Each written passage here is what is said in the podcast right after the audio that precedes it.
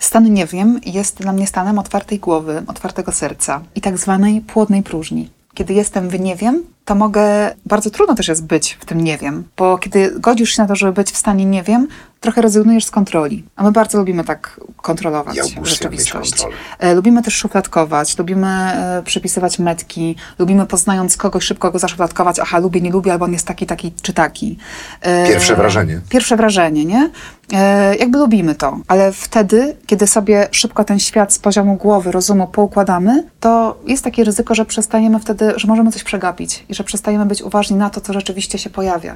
Kiedyś ktoś powiedział mi na jakimś etapie szkoły aktorskiej, zawsze stań w obronie swojej postaci. E, I pamiętam, że to dla mnie było przy, przy budowaniu postaci w Amitorybka, kiedy zagrałam taką dziewczynę z Kaukazu, która była taka napisana, była tak, można powiedzieć nawet w taki sposób ordynarny, taki po prostu prosty, nieskomplikowany. I ja przypomniałam sobie, stań w obronie swojej postaci. Nie? I są ten, jest ten tekst, jest ten rys osobowości, a z drugiej strony, co ja mogę dać, jeżeli chodzi o włożenie swojej wrażliwości? To jest chyba zaufanie do siebie i pomyślenie, okej, no, ja mam jakieś swoje poczucie humoru, swoją wrażliwość, swoją osobowość i staję w obronie mojej postaci i chcę, chociaż jest czasami na przykład może być w negatywnie s- e, sposób napisana ta postać, wymyślona, to jednak założyć, że jednak ta natura ludzka jest skomplikowana i wielowymiarowa, nie? I nawet jeżeli po literach ona jest na przykład negatywna, to ja dodam trochę jakiegoś swojego błysku wokół, swojej wrażliwości, jakiejś, jakiejś czułości tej postaci. I to się potem jakby kreuje, że ta postać zaczyna być taka moja, indywidualna, nie? Trzeba temu zaufać. Istnieje takie zagrożenie, że przestaniemy pracować sami, bez udziału, bez pomocy specjalistów. Dla mnie nie. Okej, ale to jest, to jest bardzo dobra, krótka odpowiedź na temat. Wiesz, co powiem Ci tak, że ja bardzo wewnętrznie wzrastam, kiedy mam poczucie, że y, w miejscu, w którym byłam, czy które zorganizowałam, po prostu wydarzyło się dobro. A umiem dobro poczuć. Każdą komórką swojego ciała, swoim sercem. Y, umiem je rozpoznać y, swoją głową i po prostu czuję to. Mam teraz dreszcz, jak o tym mówię, też. ale czuję, kiedy dobro się wydarza. Z Nowickim po drodze. Zaprasza Łukasz Nowicki. Witajcie. Zapraszam Was na premierowe spotkanie drugiego sezonu podcastu z Nowickim po drodze. 25 września obchodziliśmy Światowy Dzień Psychoterapii i z tej okazji właśnie ta rozmowa. Od dawna próbowałem zrozumieć fenomen, znaczenie i sens psychoterapii, oswoić, zrozumieć ogromne zapotrzebowanie na rozwój osobisty i świadome życie, co daje terapia, ale też co motywuje ludzi, którzy zostają psychoterapeutami, jaka jest ich droga, a z kim najlepiej o tych delikatnych sferach ludzkiej duszy pogadać? Z kimś bliskim, wiarygodnym, a do tego mieszkającym ze mną pod jednym dachem. Postanowiłem zaprosić do tej rozmowy moją żonę, psychoterapeutkę. Rzadko mamy okazję zatrzymać się, spojrzeć głębiej na istotę tego, kim jesteśmy, co nas motywuje w życiu, pasjonuje, na nasze życie zawodowe. Zapraszam na naszą podcastową sesję. To będzie szczególne spotkanie ze szczególną dla mnie osobą. I pierwszy raz w historii tego podcastu nie zajechałem do mojego gościa kamperem. Nie musiałem zajeżdżać, podjeżdżać, bo właśnie teraz znajduje się na strychu we własnym domu, a przede mną kobieta wyjątkowa. Moja żona. Olga Nowicka. E, witam cię pięknie, Olgusiu. Cześć Łukaszku. Miałam chwilę zawahania, co powiedzieć. Cześć Łukaszu, cześć Łuki, cześć kochanie. Powiedziałem Olgusiu, więc Tak. wiesz, gdzieś tam zaproponowałem pewną formę. Trochę będę moderował, bo to jednak mój podcast, ale myślę, że to będzie taka rozmowa, w której będziemy moderować czasem e, siebie wzajemnie i czasami będziemy przejmować pałeczkę i prowadzić tę rozmowę w, no, w niezaplanowanym wcześniej kierunku. Dziś o tobie, o twoim życiu, o szeroko rozumianym rozwoju osobistym, o psychoterapii, mindfulness i o tym chyba co najważniejsze, jak przeżyć życie w zgodzie z samym sobą. Taka uduchowiona rozmowa, więc w uduchowiony sposób. Zacząłem. Olguniu, ym, żeby tytułem wstępu gdzieś tak y, pewnie wszyscy wiedzą, kim jesteś, skąd jesteś, skąd się wzięłaś, ale tak, żeby sobie to pokrótce y, poukładać. Mnogość zawodów. Aktorka, bizneswoman, terapeutka, organizatorka wyjazdów. y, Inst- mówi się instruktorka mindfulness? Nauczycielka. Nauczycielka mindfulness z Ostrudy, dziś w Warszawie. Czy jak miałaś, nie wiem, 10, 12, 14 lat, czy dokładnie taką sobie siebie wyobrażałaś w wieku 30 kilku lat?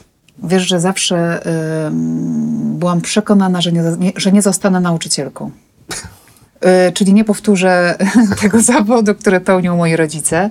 Są oboje polonistami. Moja babcia była matematyczką, moje ciotki, wujkowie są nauczycielami i byłam przekonana, gdziekolwiek mnie zaprowadzą y, moje ścieżki, ja nauczycielką nie zostanę. A, a dzisiaj również y, mogę powiedzieć, że zostałam nauczycielką, może medytacji, ale, No ale dobrze, w jakimś ale, sensie... ale jak masz 12 lat, to Mm. marzysz, nie? Czy myślałaś, że będziesz aktorką, że będziesz, okej, też nauczycielką, ale też organizatorką, bizneswoman w jakimś sensie też? Wiesz co, jak byłam y, nastolatką, zaczynałam wtedy swoje y, jakieś pierwsze doświadczenia y, z teatrem i pamiętam, że zachwycił mnie świat w ogóle teatrów amatorskich, ofowych, alternatywnych, jeżdżenie gdzieś po jakichś spektaklach, po takich małych miejscowościach w Polsce. Wydawało mi się to po prostu fantastyczną przestrzenią i moim marzeniem było skończyć teatrologię i zostać organizatorką takiego amatorskiego festiwalu teatralnego. I byłam przekonana, y, że właśnie to będę w życiu robić bardzo długo. Czyli, że będziesz organizowała, y, nie wiem, hotele, wybierała spektakle, dobierała repertuar, tak? W ogóle Wiesz co, tworzenie porywała festiwalu, mnie, tak? porywała mnie wtedy już taka niesamowita świeżość, energia, wymiana doświadczeń, takich młodych ludzi. Wydawało mi się to tak wtedy mm, na, tym, na takie moje 12-13-letnie y, życie. Nagle tak doświadczyłam pierwszy raz takiej najbardziej twórczej, y, kreatywnej y, atmosfery i absolutnie mną to jakoś zapłodnęło. Czyli chciałaś od początku kreować rzeczywistość. Być twórcą, a nie tworzywem. Bardzo lubię do dzisiaj kreować, lubię twórczość, ale też później, już parę lat później, zaczęła też mnie bardzo fascynować e, psychologia. Akurat w wieku maturalnym e, chyba nie umiałam tak jeszcze uwierzyć w siebie, że to jest, e, że mam takie zasoby, że mogłabym robić takie rzeczy, ale ten świat psychologii był dla mnie też rzeczywiście potem już bardzo fascynujący.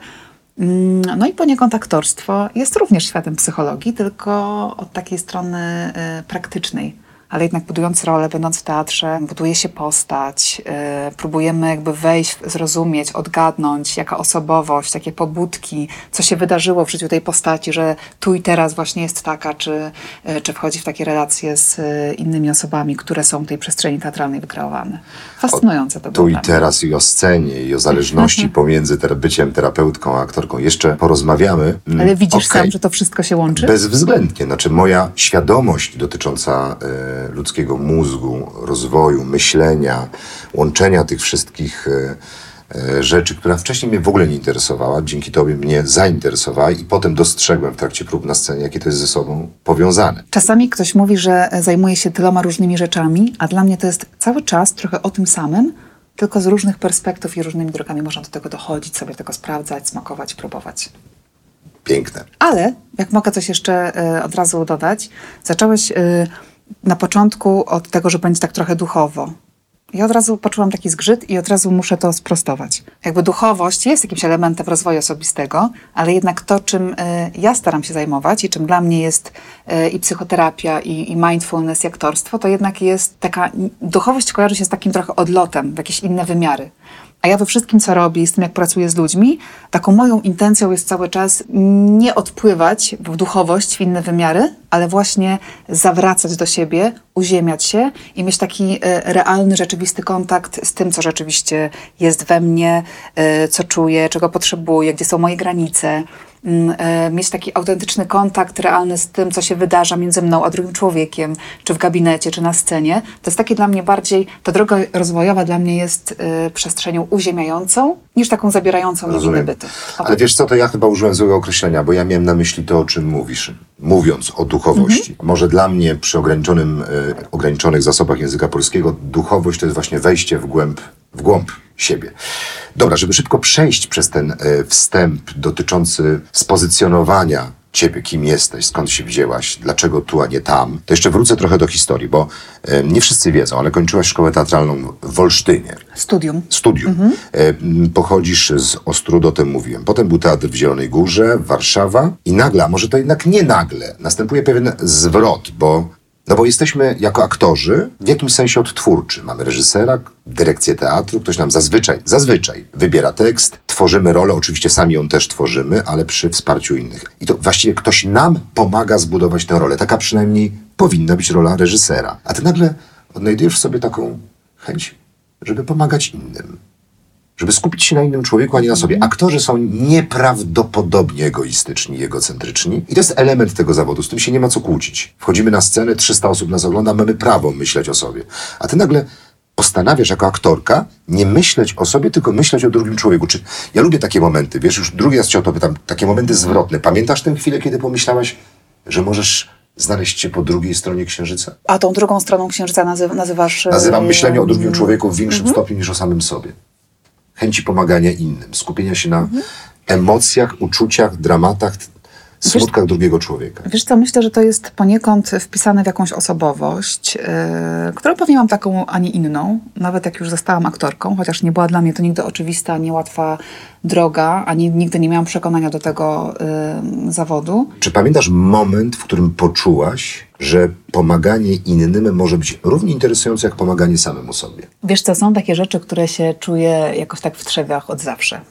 E, A ja odkąd e, już zostałam aktorką, chociaż nigdy nie byłam przekonana też do tego wyboru, zawsze czułam, że jestem taką mało aktorską aktorką. Chociaż. e, Mało aktorską aktorką. Mało aktorską aktorką.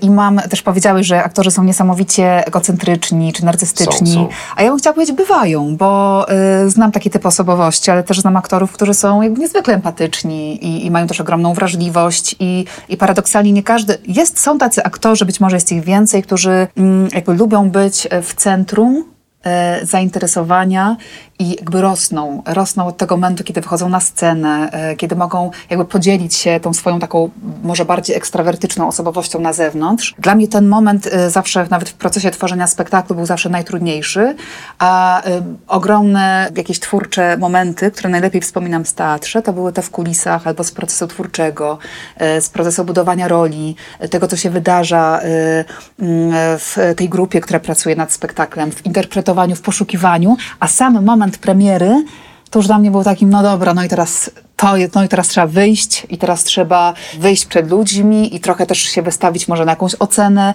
Zawsze dla mnie ten element był już taki mniej twórczy, bardziej odtwórczy i bardziej stresujący.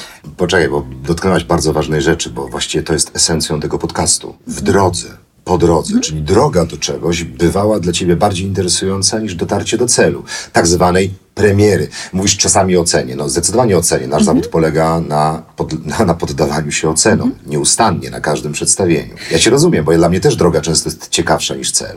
Droga jest y, i chyba to wszystko, co teraz też robię w gabinecie, w tej przestrzeni, w której też pracuję z kobietami, z grupami, z ludźmi, to jest cały czas chodzi o tą drogę.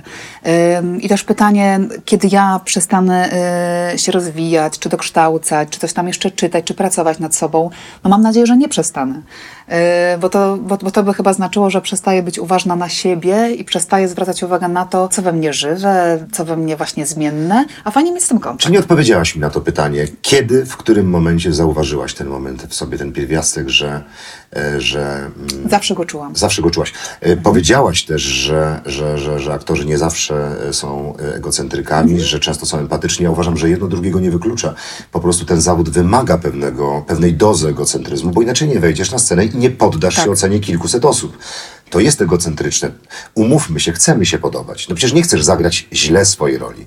Nie chcesz, żeby napisano o tobie źle, więc zwracasz na to uwagę, żeby się podobać. Robimy to dla ludzi, nie dla siebie. Też. A jednocześnie można być empatycznym. Ale powiedz, w kontekście tego, co powiedziałeś, że zawsze taka byłaś, czy miałaś coś takiego, że jak były próby, na początku twojej drogi w Olsztynie, w Zielonej Górze, to zwracałaś większą albo równą uwagę na kolegów? Pomagałaś im, kiedy sobie nie radzili? Tak samo ważny był ich sukces, jak i twój własny? Wiesz co, chyba tak, bo jak jesteś na scenie, na pewno też tam to czujesz, to jednak jesteśmy energetycznie w jakimś sensie wszyscy połączeni i oddziałujemy na siebie.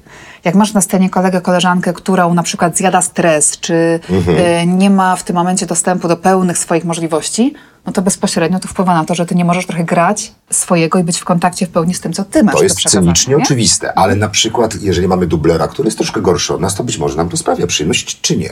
Pewnie daje jakąś satysfakcję. No, no pewno. Panie no Łukaszu, pan był lepszy niż ten drugi, ja to my tylko na pana chodzimy. Jest coś takiego w tobie, czy nie?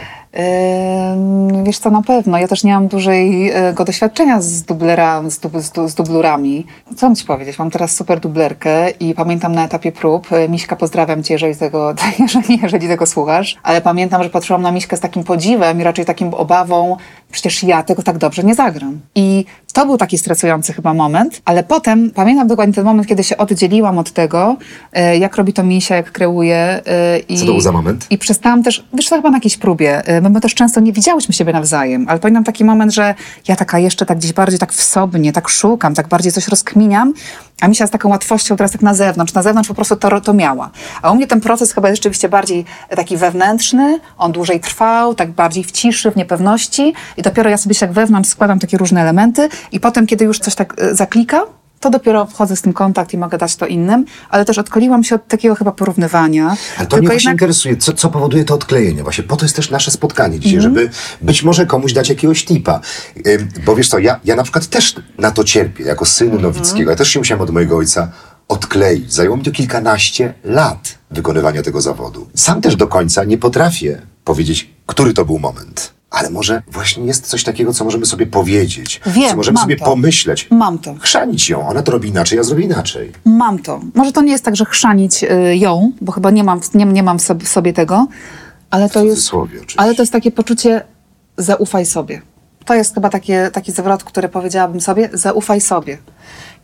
Jak, y, I to można naprawdę tak się, można sobie bardzo pokomplikować ten proces, kiedy próbujesz coś naśladować, nie wiem, być równie śmieszna, zabawna, energetyczna, tylko trzeba się tego odkleić, zostawić to i zobaczyć, jak ja czuję tą postać, co mnie w tej sytuacji bawi, jak ona mnie porusza. Kiedyś ktoś powiedział mi na jakimś y, etapie y, szkoły aktorskiej, że zawsze stań w obronie swojej postaci. E, I pamiętam, że to dla mnie było przy, na przykład przy budowaniu postaci w e, Amito Rybka, kiedy zagrałam taką dziewczynę z, e, tam z Kaukazu, która była taka napisana, była tak, można powiedzieć nawet w taki sposób ordynarny, taki, taki po prostu prosty, nieskomplikowany. I ja przypomniałam sobie, stań w obronie swojej postaci. Nie? I są ten, jest ten tekst, jest ten rys osobowości, a z drugiej strony, co ja mogę dać, jeżeli chodzi o włożenie swojej wrażliwości e, w tą Olga postać. gestykuluje, już jakby weszła na scenę, w związku z tym czasami mogą się pojawić uderzenia o mikrofon. E, Bądźcie kochani wyrozumiali. To jest chyba zaufanie do siebie i pomyślenie, okej, no ja mam jakieś swoje poczucie humoru, swoją wrażliwość, swoją osobowość i staję w obronie mojej postaci i chcę, chociaż jest czasami na przykład może być w negatywnie s- e, sposób napisana ta postać, wymyślona, to jednak założyć, że jednak ta natura ludzka jest skomplikowana i wielowymiarowa, nie? I nawet jeżeli po literach ona jest na przykład negatywna, to ja dodam trochę jakiegoś swojego błysku wokół, swojej wrażliwości, jakiejś, jakiejś czułości tej postaci. I to się potem jakby kreuje, że ta postać zaczyna być taka moja indywidualna, nie? Trzeba temu zaufać. Jako twój partner na scenie mogę to potwierdzić. Jest taki moment, kiedy schodzisz ze sceny z Wojtkiem i mówisz do mnie, fajny jest. Tego nie ma w scenariuszu, to mogę państwu zdradzić. I to jest dokładnie coś, co jest w opozycji do napisanego tekstu. To jest coś, co pokazuje, że polubiłaś tę dziewczynę i możesz zrobić, no bo generalnie kontekst jest negatywny tego I polubiłam, I polubiłam mojego partnera scenicznego, jakby jego postać, a nie robię czegoś z wyrachowania, nie? Dobra, chociaż do końca nie wiesz, jak ma na imię. Ale nie, nie spoilerujmy. Nie spoilerujmy. Słuchaj, wracam jeszcze do historii. Kochanie, no kilkanaście, dziesiąt, set razy w naszym związku mi zaimponowałaś. Ale był taki moment, kiedy zaimponowałaś mi szczególnie. O tym też nie wiecie, ale Olga naprawdę ma nieprawdopodobny talent do biznesu i do interesów. E, Intuicję, może tak bym powiedział. A jakby masz taką umiejętność, ja to ci wielokrotnie mówiłem w trakcie naszego związku, że potrafisz się zainteresować czymś, co jest zgodne z tobą, z twoją pasją, ale jednocześnie też trafiasz w jakąś niszę. Olga kiedyś otworzyła żłobek na warszawskiej Pradze, potem otworzyła drugi. W jednym i w drugim był komplet. Znaleźliśmy nawet wstępnie lokal, pokazano nam lokal na trzeci żłobek. Pamiętam, nawet chyba weszliśmy do środka albo oglądaliśmy go z zewnątrz. Generalnie biznes szykował się gigantyczny. A ty mówisz w pewnym momencie nie, ja tak nie chcę żyć. Uwielbiam te dzieciaki, uwielbiam ich rodziców, lubię ten świat, bo kocham dzieci, ale nie. To nie jestem ja. To wymaga odwagi, rezygnacja z pieniędzy, z, jakiegoś, z jakiejś kariery, z jakiejś już pozycji na, na dzielni. Skąd się bierze w tobie taka odwaga? Skąd się wtedy wziął ten moment, że powiedziałaś nie, basta? Ja nie wiem, ja nie wiem na twoim miejscu, czy bym się odważył. Wiesz co, myślę o tym i od razu pierwsze, co do mnie przychodzi, to instynkt. Ja mam jakiś chyba instynkt samozachowawczy, który niejednokrotnie mnie e, z różnych opresji ratował. Też pewne nieraz mnie gdzieś wepchnął. Jak mówisz o tych żłobkach, jest pewien rodzaj instynkt. Ja wtedy zostałam mamą i bardzo zależało mi, w ogóle taką smykałkę rzeczywiście ten biznes mnie jako tako zawsze pociągał, tylko nie wiedziałam, co to ma być. Kiedy zostałam mamą, yy, yy, kiedy zostałam mamą i zaczęłam szukać żłobka dla swojego synka, to zobaczyłam, że jest taki deficyt miejsc, do którego ja w bezpieczny sposób mogłabym go oddać. Więc tu jest taki, zobacz, yy, od razu jest i taka y, jest jakiś pragmatyzm się y, tutaj ujawnia, bo jednak, wiesz, jestem mamą, chcę być niezależna, chcę mieć poczucie bezpieczeństwa. Jednocześnie jest ta autentyczna potrzeba y, tego biznesu, stworzenia, wykreowania też czegoś. Mm, No jest ten instynkt, który jednak mnie pcha, okej, no to sprawdzam rynek, nie? Ale też taki kontakt, chyba uważność na to, co się w ogóle dzieje, nie wiem, w świecie, czy w moim mikroświecie wtedy w dzielnicy, w której mieszkałam, patrząc na zapotrzebowanie, tudzież jakieś braki, które tam gdzieś zauważyłam. I ten instynkt potem mnie w coś pcha, czyli na przykład ja potem e, znalazłam lokal, wziąłam dofinansowanie z Unii, otworzyłam żłobek, ale potem nagle z drugiej strony, gdybym wiedziała wcześniej, z czym to się je, jakie to jest trudne, z czym będę się mierzyć, jaka to jest odpowiedzialność, y, odbiory sanepidu, y, szkolenie kadry, y, pracowników, kontakt z rodzicami. Gdybym ja wiedziała wtedy, ile wyzwań przede mną, prawdopodobnie bym tego nie zrobiła. Ale, czyli, nie wiedziałaś, Czyli rozum, rozum by mnie Okej. powstrzymał, a instynkt wtedy jednak gdzieś tam pchał mnie do Ale potem miałaś już to ogarnięte, te żłobki funkcjonowały, już można było znaleźć, nie wiem, kogoś, kto by to poprowadził. Można było to już pogodzić, a ty jednak nie chciałaś, bo to chyba nie było w zgodzie z tobą gdzieś w jakimś sensie. Wiesz co, już będąc właścicielką dwóch żłobków, zatrudniając 12 osób, y, potem też mając jeszcze Juzię, bo w międzyczasie nam się Juzia urodziła, rozpoczęłam też studia psycho- psychoterapeutyczne, bo y, żłobki, które miałam, y, pokazały mi, że to nie jest głównie praca z malutkimi dziećmi, tylko z rodzicami, z tymi mamami, które często przechodzą ten lęk separacyjny, to jest ich pierwsze oddzielenie z dziećmi, że tam się tyle wydarza. Obserwowałam, wiesz, malutkie dzieci, które też miały różne temperamenty, różne trudności i tak po prostu widziałam jak na dłoni, że to, co się dzieje z tym maluszkiem jest odzwierciedleniem tego, co się dzieje w systemie rodzinnym. To, mnie, to było dla mnie tak pochłaniające i tak pasjonujące, że sama też czułam potrzebę się do, dokształcania się, a potem nagle wyobraź sobie, że wiesz, ja tu aktorka po studium, nagle dostaję, nagle mam 12 dziewczyn, które zatrudniam, i nagle muszę poprowadzić zespół, muszę je wyszkolić. One przychodzą, tam nie mają jakieś konflikty między sobą, nie? A ja wracam do domu i wiesz, urwanie włosów z głowy. Tam się tyle zaczęło dziać wokół tych żłobków, że miałam też taką potrzebę dokształcania się. E, I kiedy skończyłam studia psychoterapeutyczne, chciałam już otworzyć swój gabinet, to też był taki moment rzeczywiście, że te żłobki super funkcjonowały i to był taki moment albo już idę w sieć i trzeba było pójść i rozwijać No, to w tym kierunku, albo, ym, a musiałam to zrobić, bo inaczej powiedzmy konkurencja zaczęłaby się pojawiać, albo pójdę też swoją drogą. Tylko otwierając y, sieć, wiedziałam, że w tym momencie musiałabym już tylko temu się oddać na tym się skupić. A jednak bardzo dla mnie zawsze było ważne z tym, to, ta uważność na siebie i kontakt z tym, co mi w duszy gra, co jest moje. I czułam, że jednak po latach, bo miałam 9 lat, lat, 9 lat przerwy od teatru, że jednak mam w sobie ten taki aktorski kawałek, że jednak tęskniłam trochę e, za sceną, za teatrem, za innym rodzajem twórczości, kreatywności, bycia z ludźmi, E, no ale też bardzo chciałam e, otworzyć swój gabinet psychoterapeutyczny i pracować z dorosłymi. Więc to była taka decyzja. Sprzedaję żłobki, one w ogóle do dzisiaj funkcjonują i mają się super. Zresztą w przyszłym tygodniu idę tam e, czytać e, bajki dzieciom e, i spotkać się z dziewczynami. Tak? zawsze.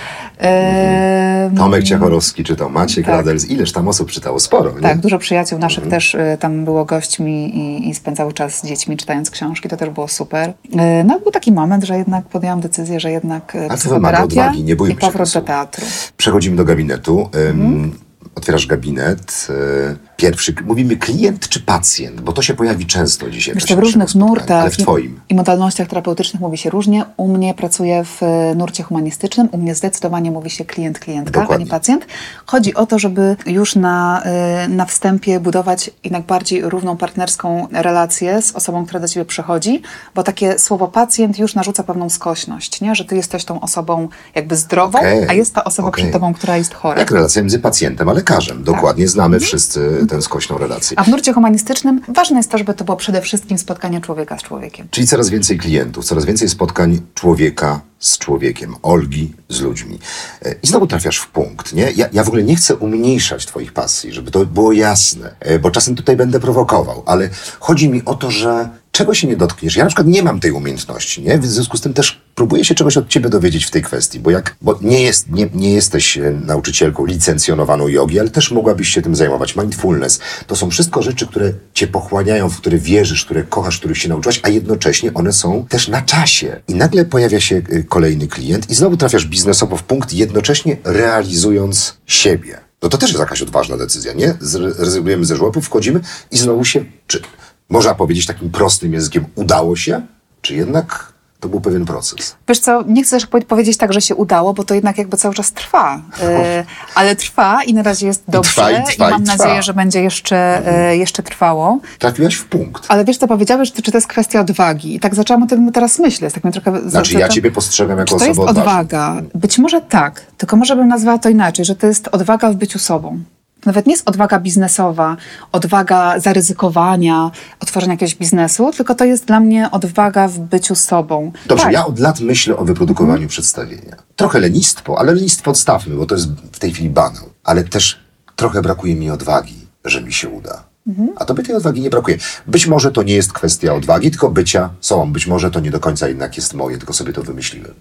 Być może. Zobacz, ja tutaj znowu nawracam do takiego zaufania do siebie i skoro we mnie coś jest żywe, autentycznie mnie to pasjonuje, interesuje i tak jak mówisz, to się jednak ma wszystko przełożenie na jakiś rynek, nie? Mhm. No bo jestem 37-letnią Polką y, mieszkającą w Warszawie z Ostrudy, jakby żyję w konkretnych okolicznościach, w państwie, w czasach. No i też staram się jakby być świadoma tego, nie? Co, są, co to są za czasy. I decyzje, które podejmuję, czy pasje, które mogę realizować, też są odpowiedzią na to, że najwidoczniej w tych czasach mam takie możliwości. Ale to jest cały czas takie zaufanie do siebie i odwaga w byciu z sobą, podążanie za tym, co rzeczywiście co, co, co, co rzeczywiście cię kręci, interesuje, jak Rozumiem. to potem płynie. Wiesz, to nawet nie jest kwestia jakiegoś strasznego ryzyka, trudnej decyzji, okay. tylko kiedy jesteś... Zobacz, moja praca osobista też polega na tym, na takim cały czas poszerzaniu swojej świadomości, na poznawaniu siebie i kiedy ja mam z tym kontakt, yy, to pewne rzeczy potem zaczynają się dziać organicznie.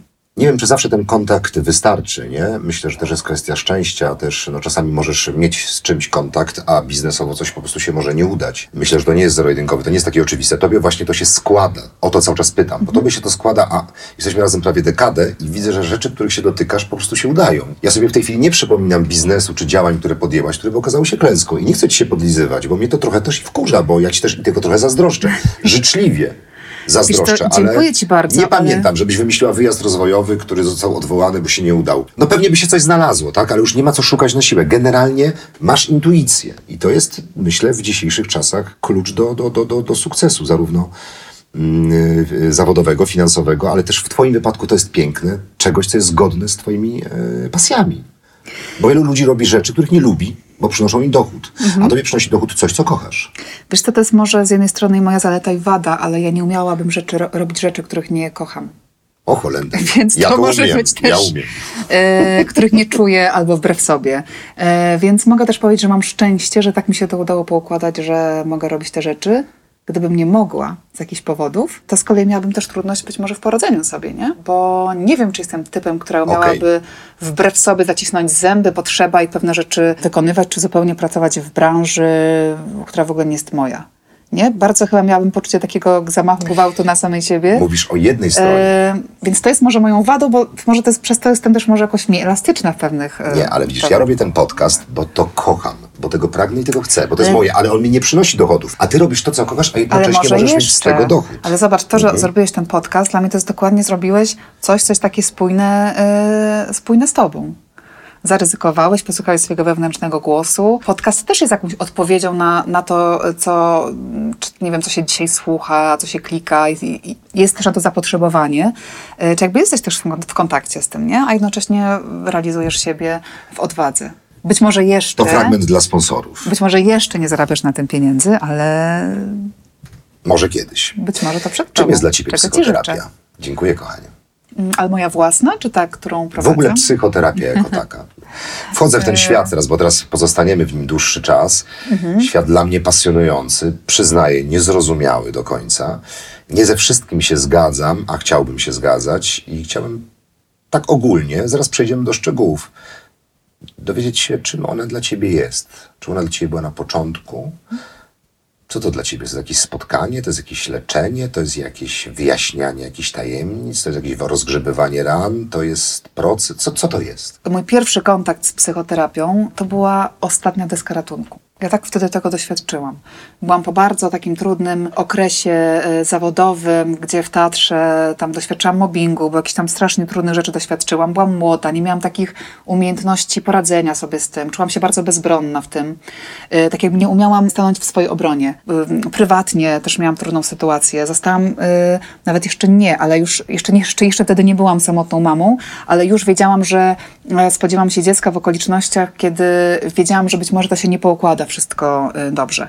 I to był taki moment, kiedy ja po prostu czułam, że tonę, albo bardzo przestraszyłam się, że tonę, albo że zaraz utonę. I znalazłam się w okolicznościach, gdzie mm, przestałam jakby panować nad tym, co się dzieje w moim życiu, tylko jakby spadły na mnie sytuacje, które gdzieś mnie bardzo przestraszały i rzeczywiście y, nie, nie, nie miałam pewności, czy ja sobie w tym momencie z nimi poradzę. I miałam przyjaciółkę, z którą rozmawiałam, która powiedziała mi, słuchaj, tutaj terapia na Saskiej Kępie, tu jestem w takim gabinecie, masz numer, idź spróbuj. I ja poszłam, y, nawet nie wiedząc, nawet nie myśląc, czym jest psychoterapia, jak, co ja o tym myślę na ten temat, po prostu poszłam w takim akcie trochę takiej, już nie wiem, desperacji. I pamiętam ten moment, kiedy weszłam do gabinetu i jakaś pani tam posadziła mnie na krześle. Ja dopiero wchodząc do gabinetu, to było, słuchajcie, jak takie objawienie. Ja dokładnie, to był ten moment, kiedy ja po pierwsze od razu powiedziałam, jak dobrze, że tu jestem, a po drugie od razu pojawiła, pojawiła się we mnie pewność, że ja wiem, że kiedyś będę po tej drugiej stronie. Nie wierzę. I wiem, że... Naprawdę? Tak. To jest po prostu weszłam tam, ja dokładnie wiedziałam, że to będę w życiu robić. To było dokładnie jak taki grom z jasnego nieba. I dokładnie to był taki moment dla mnie przełomowy. Wiem, że nie jestem sama. Wiem, że teraz będzie ktoś, kto pomoże mi być w tym procesie, że ja zacznę sobie ogarniać jakieś swoje tematy i, e, i wychodzić z różnych trudnych okoliczności. I wiedziałam, że ja potem też to będę robić. I miałam świadomość, że nie wiem, ile przede mną teraz drogi, szkoły czy własnej terapii, ale wiedziałam, że prędzej czy później, nieważne za ile lat e, i w jakim momencie, ale że ja kiedyś e, usiądę po tej drugiej stronie. I, I tak też się stało. Ale czy to była kwestia tej osoby, kwestia Nie. energii, kwestia pomieszczenia? Wiesz co, to w ogóle nie była kwestia osoby, y, bo y, ja u- nie zostałam na terapii u tej osoby. Potem chyba nawet jeszcze byłam u dwóch innych, zanim, y, zanim spotkałam osobę, której poczułam, że rzeczywiście chcę w taki intymny i ważny proces y, swój rozwojowy wejść. Y, z perspektywy czasu widzę, że no, to jest taki graniczny y, moment w moim życiu, takie rozpoczęcie terapii. Y, o własnej terapii. o własnej terapii, kiedy z różnych takich swoich automatycznych e, reakcji, tak jak miałabym to porównać, to wtedy byłam trochę taką trzciną na wietrze, szamotaną wiatrem, a podczas terapii zaczęłam zdobywać świadomość e, na swój własny temat, pewnych mechanizmów i tak, to jest takie poczucie sprawczości, e, świadomości tego, że trochę przejmuję kontrolę nad swoim życiem, że to teraz ja będę żyła swoje życie, a nie te okoliczności będą mnie tak, wiesz, rzucały, nie? To W te byłoby odmęty. piękne, do tego dążymy. Nie? I, tym, I tym jest chyba po dziś dzień dla mnie ten proces rozwoju osobistego. Dobrze, prze, przeskakujemy, zobacz, w czasie. Mówisz o własnej terapii, a teraz znowu poproszę cię o odpowiedź Olgi, już terapeutki. Czego ja bym się bał, jako laik, który Mhm. nie zna się e, na tej robocie? Ja chyba bym się bał wziąć odpowiedzialność za drugiego człowieka. Za jego lęki, za jego szczęście, za to zaufanie, którym mnie obdarza. Nie masz takiego czegoś, nie miałaś na początku, może tak, na początku. Kurczę, może nie podołam. Przyjdzie osoba, usiądzie, będzie miała nadzieję, będzie patrzyła na mnie, pomóż mi, a ja będę za głupia, nie będę miała wiedzy, doświadczenia, intuicji, empatii. Miałaś coś takiego, czy byłaś od razu pewna, że, że, że sobie poradzisz? W tych początkach y, doświadczałam takiego stresu i ja pamiętam moment, kiedy otworzyłam gabinet, kiedy zadzwoniła do mnie pierwsza osoba, pierwsza klientka, pierwsza sesja w życiu, którą poprowadziłam jako terapeutka. Przychodzi do mnie dziewczyna, która miała 25 lat, usiadła przede mną i jak zaczęłam mówić, to ja miałam poczucie, że z każdym, y, z każdym jej słowem kolejnym zapadam się w fotel i byłam tak zaskoczona i poruszona tym, że przyszła do mnie osoba, która miała tak bardzo podobną historię do mojej. I z każdym słowem kolejnym nie mogłam po prostu uwierzyć, że, ym, że taka osoba do mnie przychodzi. Tam rzeczywiście ta, ta, ta, ta jej historia była też taka skomplikowana i trudna. I z jednej strony mogłam pomyśleć sobie, ach, szkoda, że tak pierwszy raz to tak fajnie, gdyby tak, tak ktoś z, z, prostszą, z prostszym problemem przyszedł. Ale z drugiej strony poczułam taką bliskość i więź. No i też no, my psychoterapeuci jesteśmy w superwizji, więc też mogłam sobie od razu Superwizja, spotkać się, czyli twoja terapia. wytłumaczmy, czym nie, jest nie, nie. superwizja, Superwizja tak? nie jest moją własną terapią, ale jest e, takim spotkaniem e, raz w Consulting? miesiącu z mentorem, Okej. Z którym mogę omawiać e, mm, przypadki, nad którymi pracuję. Jak masz coś trudnego, możesz się odwołać do Mogę. niego, podpytać. Mogę tak? powiedzieć, e, że tutaj poproszę, że potrzebuję em, takiego doradztwa, y, kierunku, albo mogę upewnić się, czy kierunek, w jaki sposób, w jaki pracuję z tą osobą, on jest ok, skonfrontować, no nie? I dostać pomoc, y, narzędzia i... Podkreślmy, Mhm. że superwizują się osoby najbardziej znani e, psychoterapeuci, którzy pracują 30-40 lat, również potrzebują superwizji. To nie jest coś, co dotyczy ludzi Nie, nie, początkujących. nie, to młodych. chodzi o taką też higienę y, Tak, tak, tej tak, tak. pracy, nie? Też Mhm. o zadbanie Mhm. o siebie, ale też w takim poczuciu, że mamy pewność cały czas, że bo jednak to jest bardzo odpowiedzialne zajęcie pracować e, z klientkami, klientami. Y, Więc jeżeli chodzi o moją odpowiedzialność za wykonywanie, za jakość wykonywania mojego zawodu, jest to ważne. Ja też mam granicę swojego błędu, że jestem tylko człowiekiem, y, który też tam się kształci, ma jakieś y, też swoje tematy, cały czas jakieś tam jeszcze do przepracowania, że ja tą osobę prowadzę dobrze, więc nie wyobrażam sobie nie być w superwizji, bo mam poczucie też swoich granic, swoich błędów, swoich ograniczeń, dlatego potrzebuję to konfrontować i sprawdzać. I tutaj taki apel do wszystkich osób, które są w terapii albo nie myślą, sprawdzajcie proszę zawsze, czy terapeuta, terapeutka, do którego idziecie, podlega stałej superwizji. Zapytam cię o to potem, co sprawdzić, żeby znaleźć dobrego e, terapeutę, czy na co zwrócić uwagę. Już wiemy jedno, należy sprawdzić, czy poddaje się superwizji. Wracając do tej pierwszej klientki, czy mm, kiedy ona okazało się, że ma podobną historię do ciebie, kiedy pomyślałaś sobie, szkoda, że to może nie jest coś prostszego, em, przełamałaś to? To była udana e, sesja, to był udany moment, który cię uspokoił. Po tej godzinie ona wyszła, ty dobrze. Y, Wiesz co, To to, może jest bardziej... godzina. Nie, to chyba to jest bardziej też skomplikowane. Wiesz, więc tak mówisz, że to była wspaniała godzina, ta godzina Przepraszam była też... za te określenia. Chodzi Też trudna, w ciągu godziny też umówmy się, no na pierwszym spotkaniu też y, nie wydarzą się jakieś Mhm. nie wiadomo jakie rzeczy.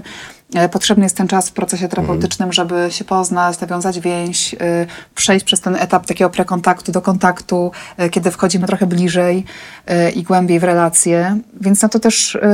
Ale miałaś poczucie satysfakcji, że jest okej? Wiesz co, miałam poczucie, ta osoba potem była u mnie prawie 3 lata w terapii. i Mam I to poczucie, jest że, to najlepsza był, odpowiedź. że to był po prostu bardzo głęboki i ważny proces. Olguś, powiedz mi, co... Ale jeszcze, tak. Tak, tak, tak mi, wiesz co, gubię myśl, bo co, coś jeszcze mi chodzi tak po głowie. Czyli w tym początkowym okresie miałam poczucie takiego stresu i odpowiedzialności za drugą osobę, w tym konkretnych przypadkach, nie? Bo to też się pojawia.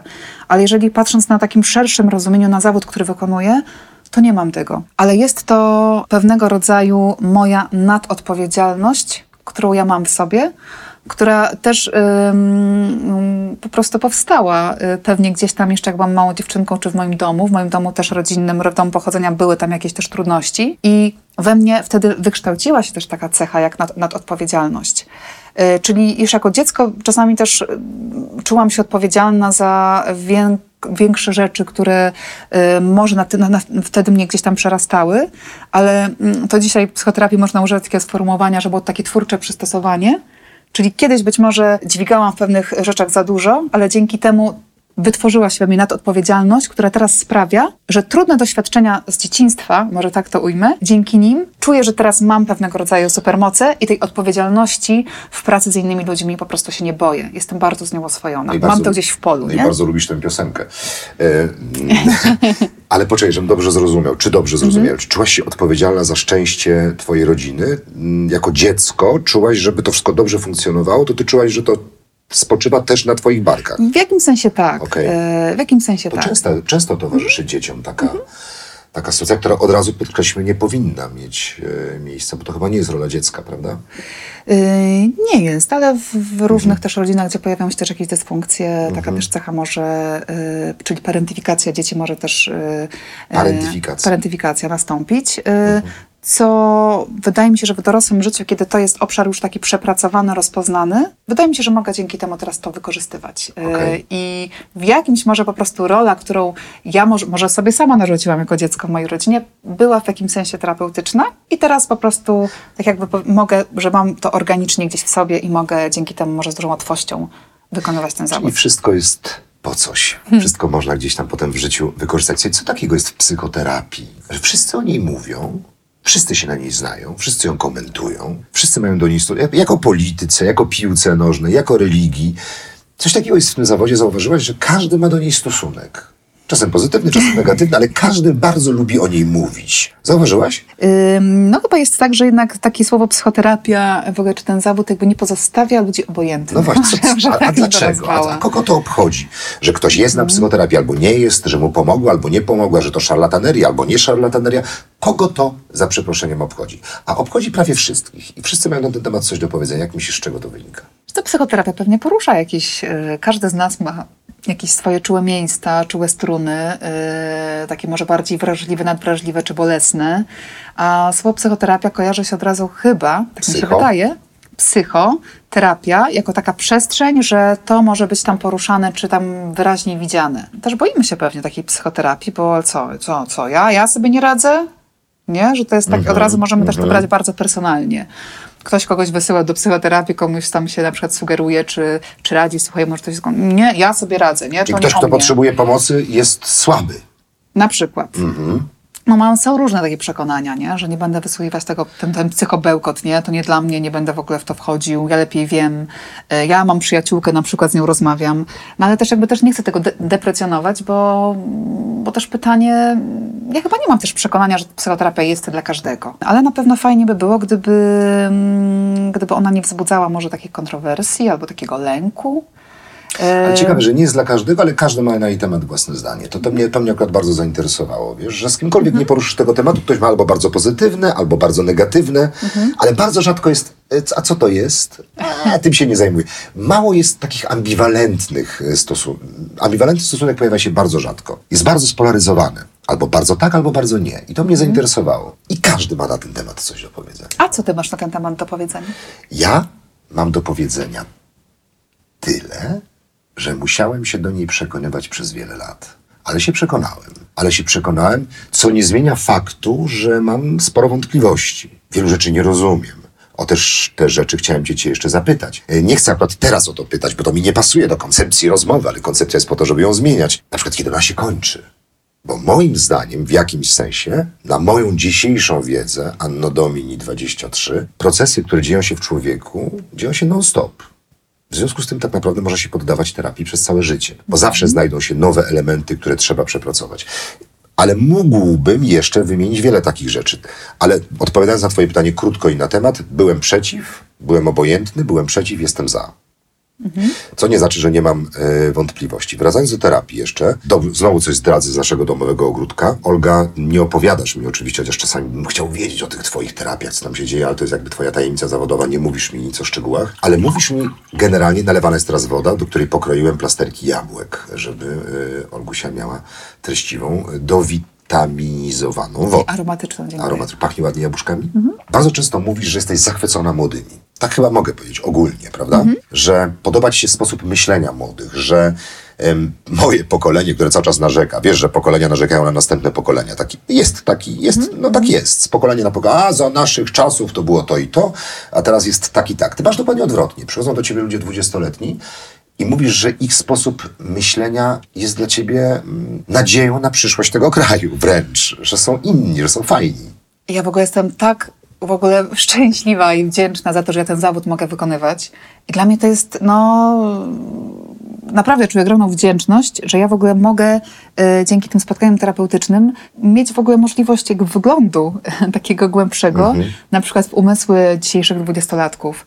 I rzeczywiście mam e, klientki, klientów również w tym wieku e, i jestem e, szczerze e, po prostu nimi zachwycona. E, I jestem pełna nadziei, że Ale co się, oni... szczegóły, prosimy szczegóły. Szczegóły. Co jest takiego zachwycającego w dwudziestolatka? Wiesz co, myślę, że mają zupełnie inną już świadomość siebie, swoich emocji. Wiesz co, jak ja pomyślę sobie, że ja w ich wieku, gdybym miała taką świadomość siebie, to ja w ogóle pewnie, ja nie myślę, nie wiem, gdzie ja bym dzisiaj była, nie? Że ja pamiętam, że dla mnie to był taki trud, ten mozuł, tak przebijanie się przez te warstwy, schematy, yy, przez ten opór właśnie względem terapii jeszcze, nie? I ja, ja pamiętam, ile mnie to w ogóle kosztowało też wysiłku, żeby tak, to było takie, jaka taka walka, nie? Takie przedzieranie się.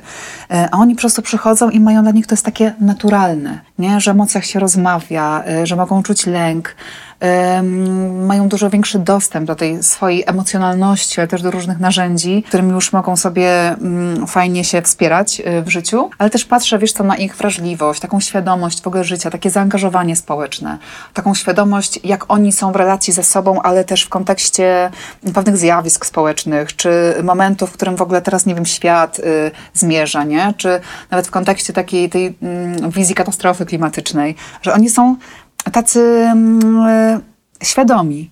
I mam poczucie, że ja w ich wieku w ogóle byłam taka jeszcze bardzo, jednak skupiona na takim swoim bardzo mikroświecie, nie? Tutaj jakby tu i teraz, ja, moje tam koleżanki, znajomi, a oni tak patrzą jakoś tak globalnie szerzej Są bardziej już. makro niż mikro, nie? E, chyba tak. Może też z tego wynika, że oni są bardziej już obywatelami świata, e, że oni nie czują, że wiesz, są zajęci tylko tym, co się dzieje na ich podwórku. E, nie, bo oni mają też większy wpływ, że to, co się dzieje na świecie, również, będzie miało bezpośredni wpływ na ich życie, A nie? na ich decyzje. napięcia, nie? Po prostu to jest dla nich oczywiste, nie? Bo w, na, w nas, ja pamiętam, ja akurat byłem e, w tej kaście uprzywilejowanej, trochę jeździłem po świecie. Wiesz, ja jestem od ciebie starszy, no więc ja, e, 20 lat to są początek lat 90., dopiero kończyła się komuna w Polsce, wiesz, to była naprawdę bida jeszcze w tym kraju. Ale ja z racji no, zawodów moich rodziców i szczęścia, które miałem, troszkę byłem obywatelem świata, ale to było w nieprawdopodobnym stresie. E, wszystko się działo. To te wszystkie wyjazdy, nieznajomość języków, brak backgroundu, e, brak nabudowania tego wcześniej, wiesz. To był taki chłopczyk z Polski, który dostał szansę od losu na pojechanie do Indii, na pojechanie gdzieś tam, ale ja byłem zagubiony, a mam poczucie, że oni już się tak bardzo tym nie jarają. Oni czują się częścią tej struktury naszej planety. A my czuliśmy, że jesteśmy jak asteroidami. Że tak wpadliśmy trochę przypadkiem. Tego im zazdroszczę i czujesz to, Czuję to. że to płynie od tych ludzi. Czuję to. A jednocześnie też komuś mówiłam ostatnio, że jestem też nimi zachwycona i, i jestem też pełna nadziei. Ale ktoś też mnie też słusznie zapytał, no to skoro oni są tacy, wiesz, fantastyczni, to czemu potrzebują terapii? O, przewrotne. No. I z jednej strony potrzebują, wiesz co, powiem Ci szczerze, nie wiem, czy oni potrzebują bardziej niż poprzednie pokolenia. Oni po prostu już z tego korzystają, bo to jest naturalne, że mogą popracować nad sobą, tak samo jak chodzą do, nie wiem, dermatologa, do stomatologa czy innego specjalisty, że również idą zająć się też swoimi emocjami, czy sobie uporządkować pewne rzeczy. Może też mają większą świadomość, dlatego też yy, i dostępność, dlatego też korzystają z takiej możliwości, ale też widzę jednak, no jesteśmy też po okresie, po okresie pandemii. Ci teraz dwudziestolatkowie, kiedy pandemia się zaczęła, to byli tacy 16-17-latkowie, młodzi, dorastający, wchodzący w dorosłość. I oni wtedy doświadczyli rzeczywiście zamknięcia, izolacji, lęku, niepewności. I, i to pewnie jest tam się, jest to mm, widoczne, że oni jednak, y, to z czym oni teraz też się zmagają, to jest y, pewnie wyższy poziom lęku, na przykład wywołany tym, że y, już mają świadomość, że mniej rzeczy w życiu mogą zaplanować. Nie? Okej. My jednak... To, co dla nas było oczywiste, bo my niczego nie mogliśmy oczywiste. zaplanować. A To jeszcze, oni... ja pamiętam, że jak ja jeszcze kupowałam swoje pierwsze mieszkanie w życiu, to ja jeszcze byłam przekonana, że ja tu już spędzę całe życie w tym mieszkaniu, bo ważne jest, że jak... y, Jak się poznawaliśmy, byłaś jeszcze przekonana, że chyba tam będziesz długo. tak, my się już poznaliśmy, Tak, tak. y, a Łukasz mówi, że tak porozmawiamy, że tam... w- Aż to było ładne Że w przyszłości też jakby zamieszkamy razem, coś tam się wydarzy, a ja miałam taki Zaraz to lęk. moje. Ale jak to? Ja już sobie tak zaplanowałam, że skoro jestem y, mamą i urodziłam dziecko, to dla mnie ważne jest, żeby dziecko wzrastało w tej samej dzielnicy, że potem miało poczucie jakichś korzeni, skąd pochodzi. Te, Stalowa. Stalowa. Ja, ja, ja jestem miłośniczką Pragi Północ w Warszawie, więc, y, więc tam, y, tam sobie gdzieś tam to wszystko widziałam i ja jeszcze miałam takie przywiązane, takie miałam inne myślenie, nie? że jak coś musi być na stałe, że to jest ważne. A zobacz, minęło, mm, nie wiem, dekada tam z kawałkiem, a ci młodzi ludzie już wzrastają w takim, że no, mieszkania się zmienia. Niektórzy w ogóle już nie myślą teraz o kupnie, nie o kupnie nieruchomości. Tak, Tak, tak, że oni nie tak. myślą o tym, że tutaj teraz, ja, tak, ja pamiętam, jak ja się napinałam, żeby ten, na ten kredyt mieszkaniowy. A teraz rozmawiam z młodymi i oni tak nie mają poczucia, że w ogóle kredyt? Po co? Że w ogóle wiązać się na stałe, jak lepiej wynająć, bo nie wiedzą, czy za rok, za dwa zmienią pracę, zmienią kraj, Kraj. zmienią miejsce. Yy, oni żyją zupełnie jakby innej płynności, nie? Tak to jest, Masz no. rację, to jest fascynujące. Oni w ogóle mam poczucie, że oni to jest pokolenie, które w ogóle bardziej już doświadcza, a ja jeszcze byłam w takim, że ja chciałam sobie jakieś fundamenty budować i tak się zakorzeniać. A oni tak jakby płyną i doświadczają, nie? I wiedzą, że, też tu i teraz. że to jest Dzisiaj wszystko bardzo zmienne. I to się liczy, nie? Tak. Że jestem teraz. Tak. Ale do tu i teraz jeszcze przejdziemy. Olguniu, trudny dla mnie temat. Bardzo pięknie, jako osoba nowoczesna, podkreślasz cały czas płci, Mhm. płeć. Mówisz klientki, klienci. Ale ja wciąż mam poczucie, że zdecydowanie więcej jest klientek. E, Co takiego jest w mężczyznach, że tak się bardzo, e, Twoim zdaniem, boją psychoterapii, że uważają, że jest nie dla nich? Bo rozumiem, że jest wciąż więcej kobiet, więcej klientek. To się wyrównuje, ale więcej. Wiesz co, jest więcej klientek, jest więcej e, psychoterapeutek. Okej. Nie, że to jest jakby ta część jeszcze taka psychologiczno-rozwojowa, mam wrażenie, że jeszcze jest, no jest, nie, nie mam wrażenia, jest jeszcze cały czas zdominowana przez kobiety. A dlaczego? No jak myślisz, dlaczego tak jest? Ja ci no mogę wiesz co, dobrze. od, od razu mnie to kusi, jakby chciałabym cię o to pytanie zapytaniem, ty jako reprezentant płci męskiej, powiedz mi dlaczego. Tak, znaczy ja ci zaraz, odpo- ja zaraz powiem. Ja mogę mieć jakąś swoją teorię na ten temat, ale Znaczy, może ty opowiesz mi o swoim doświadczeniu. W Nie tylko zakresie. teorię, dlatego że masz klientów, masz klientki, masz też ogromną Mhm. wiedzę na ten temat, widzisz, widzisz z czym przychodzą, czy to jest dokładnie to samo, y, czy to są te same problemy. Być może ci klienci mówią ci, że mieli problem z przyjściem, że może ktoś ich namówił, że może ktoś ich zmusił, że może, może ktoś im zasugerował, a dziewczyny na przykład przychodzą, kobiety przychodzą na przykład same z własnej woli, więc też masz, masz na ten temat wiedzę. Ja jestem też ze specyficznego pokolenia, bo ja jestem z pokolenia lat 70., gdzie pójście na psychoterapię było, było oznaką słabości. Nam wdrukowano absolutnie, że mężczyzna nie płacze, że mężczyzna musi sobie poradzić ze swoimi problemami sam, że mężczyzna musi utrzymywać rodzinę, że mężczyzna musi być tym drzewem, tym drzewem, tą, tą, tym gwarantem stabilności, że nie ma, prawo do, nie ma prawa do potknięć, że musi sobie poradzić. A jeśli z czymś sobie nie radzi, to zatapia te smutki w alkoholu albo zatapia te smutki w jakimś niemówieniu o swoich problemach. Mężczyźni nie umieją mówić o swoich emocjach, ale też nie oszukujmy się, że się od siebie różnimy. Jesteśmy inni, mężczyźni i kobiety. Mm, Więc dla mnie zrozumienie psychoterapii, istoty e, psychoterapii było niezwykle trudne z powodów świata, w którym się wychowałem. Współcześnie chłopcy, mężczyźni wychowują się w innym świecie, a mimo to wciąż dominują kobiety. Stąd moje pytanie. Ale też e, nie wiem, tak, tak, tak słucham ciebie, co mówisz, nie wiem, Mhm. czy właściwie do końca odpowiedziałeś też na pytanie jakby dlaczego. Nie? Że jakby jest jakby to widzisz, ja też to widzę, tą prawidłowość. E, Dlatego, że uważałem, że pójście na psychoterapię jest oznaką przyznania się do. Mhm. do, do tego, że jestem słaby. Przyznania się do czegoś, że, że sobie z czymś nie potrafię poradzić. Mhm. Albo wręcz przeciwnie, żeby z czymś sobie poradzić, trzeba też to nazwać. A moje pokolenie też nie zajmowało się nazywaniem problemów. Są, miną, będą, zamiećmy pod dywan, lecimy dalej. Po co nam taka świadomość? Fajnie jest być też nieświadomym. O, o tym też chciałem y, później y, pogadać. No wiele było aspektów. Są jeszcze oczywiście, y, jest jeszcze oczywiście rys charakterologiczny. Konkretny człowiek ma inaczej, inny człowiek ma inaczej, ale generalnie patrząc na świat mój i ten wokół mnie, to to były główne powody, y, by odsunąć się, nie zainteresować się y, terapią. Mało tego, też w wieku lat 20 w ogóle tej terapii nie było. Więc od tego zacznijmy, że ci dwudziestolatkowie, którzy przychodzą do ciebie, bo mają taką Olgę, rozumiesz, na Mokotowie. Ja nie miałem Olgi na Mokotowie mając lat 20, rozumiesz? Znaczy wiesz co, mam też, do mnie też przychodzą mężczyźni mm, 30 plus, y, około, około 40 roku życia. Przychodzą i powiem ci, że jak już mężczyzna przychodzi na terapię, ym, dlatego że chce, to ja nie mam takiej, nie widzę jakiejś szczególnej różnicy w pracy, w procesie z mężczyzną czy z kobietą. Po prostu wydaje mi się, że rzadziej mężczyźni cały czas jednak się decydują na to, ponieważ się boją, ponieważ tak być może starają się bardzo kurczowo jeszcze trzymać y, tego, co jest. Może mają większy lęk przed zmianą, przed wyglądem, przed poczuciem emocji.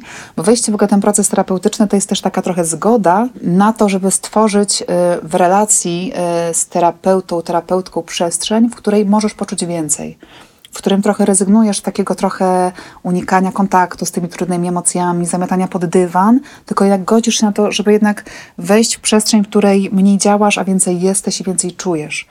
I wzięcie odpowiedzialności trochę za swoje emocje i takiej wewnętrznej decyzji, yy, że okej, zgadzam się, wejść w przestrzeń, w której ja poczuję to, co być może przez wiele lat, dziesiątki lat, nie wiem, wypierałem, oddalałem, nie chciałem To może czuć. mężczyźni mają większy problem z czuciem. Nie wiem. Coś dla mnie tutaj, jak tak mówisz, ja, tej, w ogóle, ja w ogóle nie mam takiego, nie przemyślałam, nie, nie, nie mam przemyślanej w ogóle odpowiedzi na takie pytanie. Chociaż jest to bardzo ciekawe.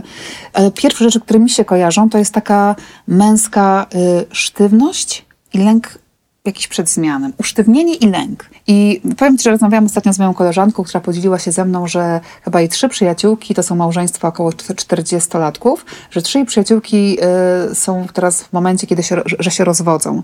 I że ona zauważyła, że właściwie wszystkie te trzy małżeństwa mają jakby podobny mianownik, jeżeli chodzi o rozpad.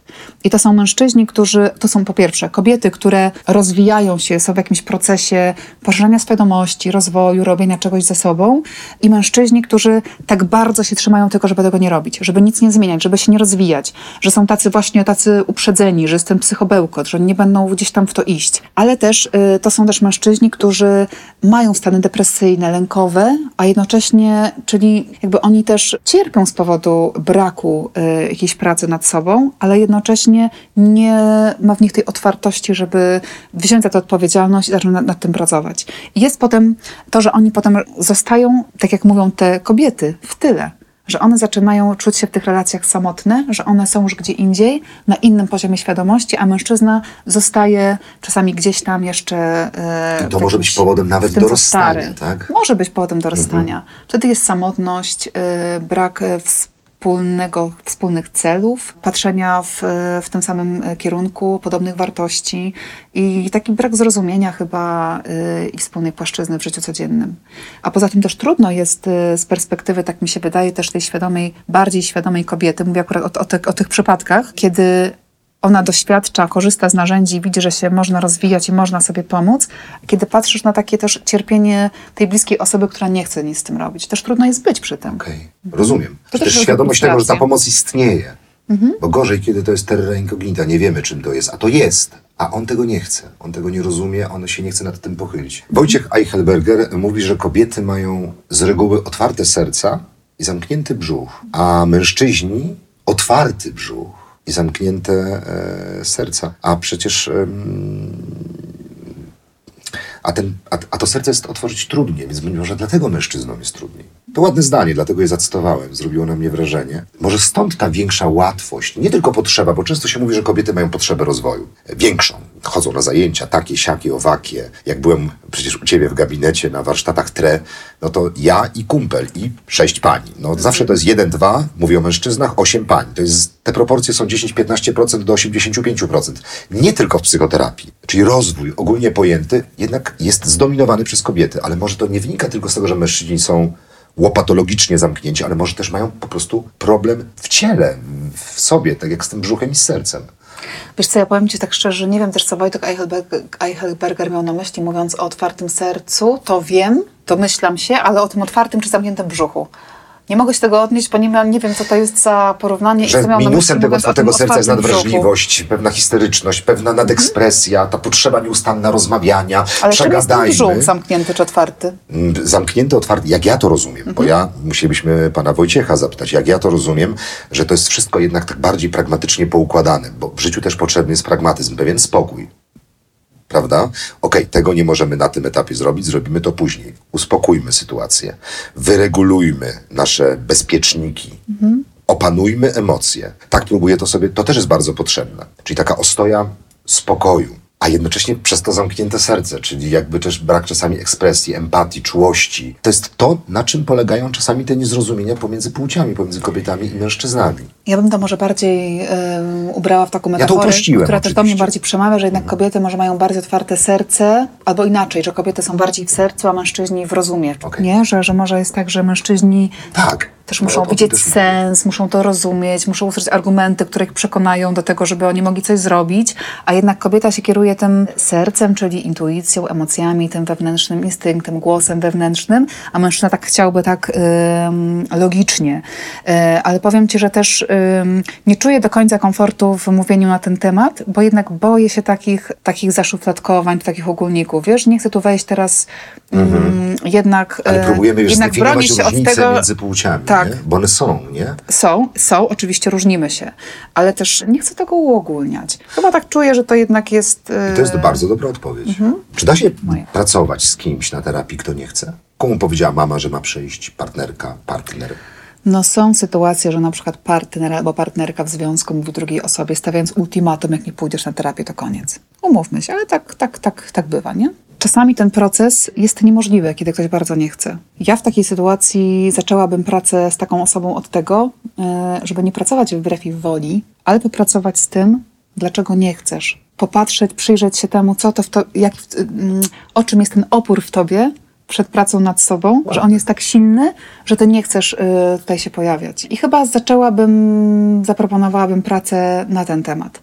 Y, I dajmy sobie parę sesji, zobaczmy i, i, i chyba raczej bym popracowała z oporem, a nie wbrew komuś, tym bardziej, że czasami ludzie przychodzą na terapię i mówią, no zmagam się z tym i z tym, niech pani, jaki pani ma na mnie pomysł, albo co pani teraz wymyśli.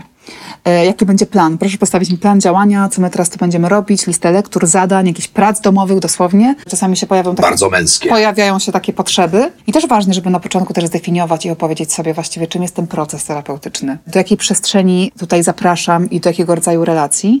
I przede wszystkim proces terapeutycznym to jest proces tej konkretnej osoby, która do mnie przychodzi. I to ona jest odpowiedzialna za to, co w tej naszej przestrzeni psychoterapeutycznej się pojawi. Mhm. Ja nie będę proponować, to może porozmawiamy dzisiaj, tak pan, pan albo pani nic nie mówi, to może porozmawiamy o relacji z matką, czy z ojcem, czy może o pracy, czy a jak tam w związku, bo to już jest wtedy, że ja zaczynam być krok y, przed. A ważne dla mnie jest bardzo w tym procesie terapeutycznym, że ja jestem towarzyszą, towarzyszką, towarzyszę mojemu klientowi, klientce w procesie, w jego procesie, będąc y, krok za. I za każdym razem, kiedy rozpoczyna się sesja, to ja pytam, z czym dzisiaj jesteś, z czym zaczynasz, jak się czujesz i o czym chciałabyś, czy chciałbyś dzisiaj porozmawiać. Ale ja Jaki nie wiem temat o czym, ty chciałbyś bo się nic poruszyć? nie wydarzyło dzisiaj, ani w tym tygodniu od naszego ostatniego spotkania. No właściwie to nie wiem, co mam e, pani, pani Olgo powiedzieć. Mhm. Tak często jest. I co wtedy I odpowiem? to też jest w porządku. Samej zobacz w samym stanie nie wiem, to już jest figura do Ty pracy. w ogóle bardzo lubisz stan nie wiem, Bardzo. a ja go nie znoszę. Nienawidzę nie wiedzieć. Strasznie lubię wiedzieć. Panicznie boję się nie wiem. Dlaczego tak bardzo lubisz nie wiem? Stan nie wiem jest dla mnie stanem otwartej głowy, otwartego serca i tak zwanej płodnej próżni. Kiedy jestem w nie wiem, to mogę, bardzo trudno też jest być w tym nie wiem, bo kiedy godzisz się na to, żeby być w stanie nie wiem, trochę rezygnujesz z kontroli. A my bardzo lubimy tak kontrolować Ja rzeczywistość. E, Lubimy też szufladkować, lubimy e, przypisywać metki, lubimy poznając kogoś szybko go zaszufladkować, aha, lubię, nie lubię, albo on jest taki, taki czy taki. E, Pierwsze wrażenie. Pierwsze wrażenie, nie? Jakby lubimy to, ale wtedy, kiedy sobie szybko ten świat z poziomu głowy, rozumu poukładamy, to jest takie ryzyko, że przestajemy wtedy, że możemy coś przegapić i że przestajemy być uważni na to, co rzeczywiście się pojawia. Jeżeli ja założę, to jest na przykład tak, y, mogłabym na przykład przyjść do mnie osoba i mogę, y, gdybym na przykład zaplanuję z nią, teraz w przeciągu tam pięć najbliższych sesji będziemy po kolei zajmować się tym, tym, tym, tym, tym i tym. No i możemy realizować ten plan. Tylko wtedy jest obawa, że my wejdziemy w ten proces bardzo e, z poziomu rozumu, tak intelektualnie, bo zaczniemy realizować plan, Tak by było. oderwiemy się od tego, co rzeczywiście wydarza się takiego autentycznego z poziomu również ciała, oddechu, emocji. Ja wolę taki system pracy, że jednak spotykamy się i sp- zawsze mówię, sprawdź, co dzisiaj dla ciebie jest żywe. Albo na przykład... Ale y, mój terapeuta robi tak samo. Mhm. Znaczy to jest tak, że to, to z czym przychodzę dzisiaj.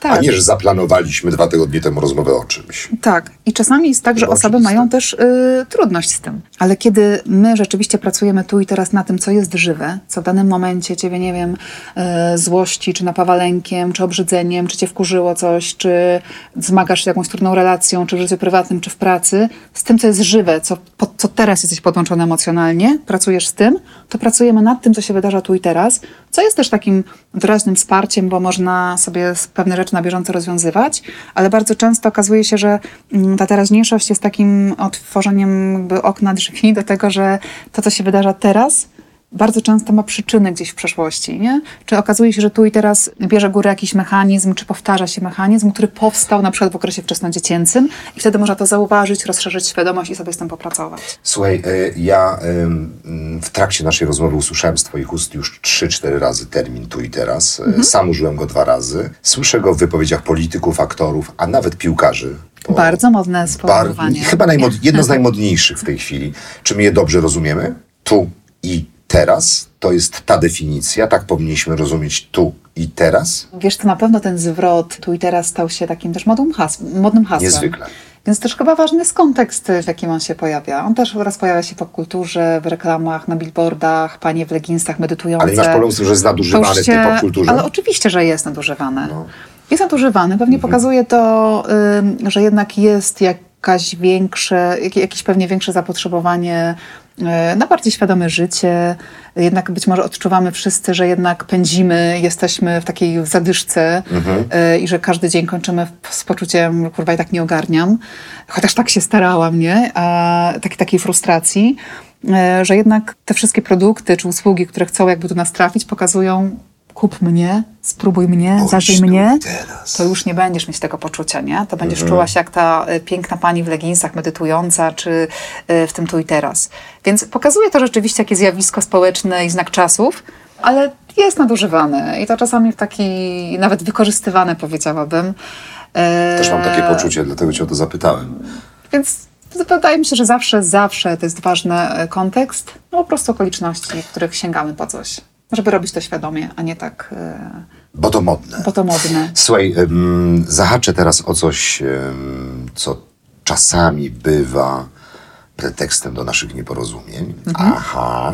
Ym, wiesz co, bo ja mam takie poczucie, że o ile psychoterapia jest, y, została wymyślona już dawno temu, ale a teraz w XXI wieku stała się niezwykle ważna, istotna i pomaga mnóstwo ludzi dzięki niej piękniej żyje i mądrzej to jak wszystko, co staje się modne, może stać się nadużywane. Ja mam takie poczucie, że, a może go nie, a może niesłusznie, dlatego proszę wyprowadź mnie z błędu, że jest też pewne niebezpieczeństwo, polegające na tym, czy się z tym zetknęłaś, że moda, czy po pierwsze, czy ona w ogóle twoim zdaniem istnieje, bo ja mam poczucie, że troszkę istnieje moda na psychoterapię, czy taka moda, jeżeli jest, może być niebezpieczna, w tym sensie, że na przykład ludzie młodzi, pary kompletnie oduczą się rozwiązywać swoje problemy y, tu i teraz, w danym momencie i będą się odwoływać do psychoterapii pomocy specjalisty, specjalistki i właściwie nie będą potrafili najbardziej błahych, prozaicznych rzeczy, które się dzieją w ich życiu, rozwiązać między sobą, tylko będą się odwoływać do pomocy osób trzecich. To wiesz co, zacznę od tego, że jednak chcę tu uchylić czoła tej modzie i zauważyć,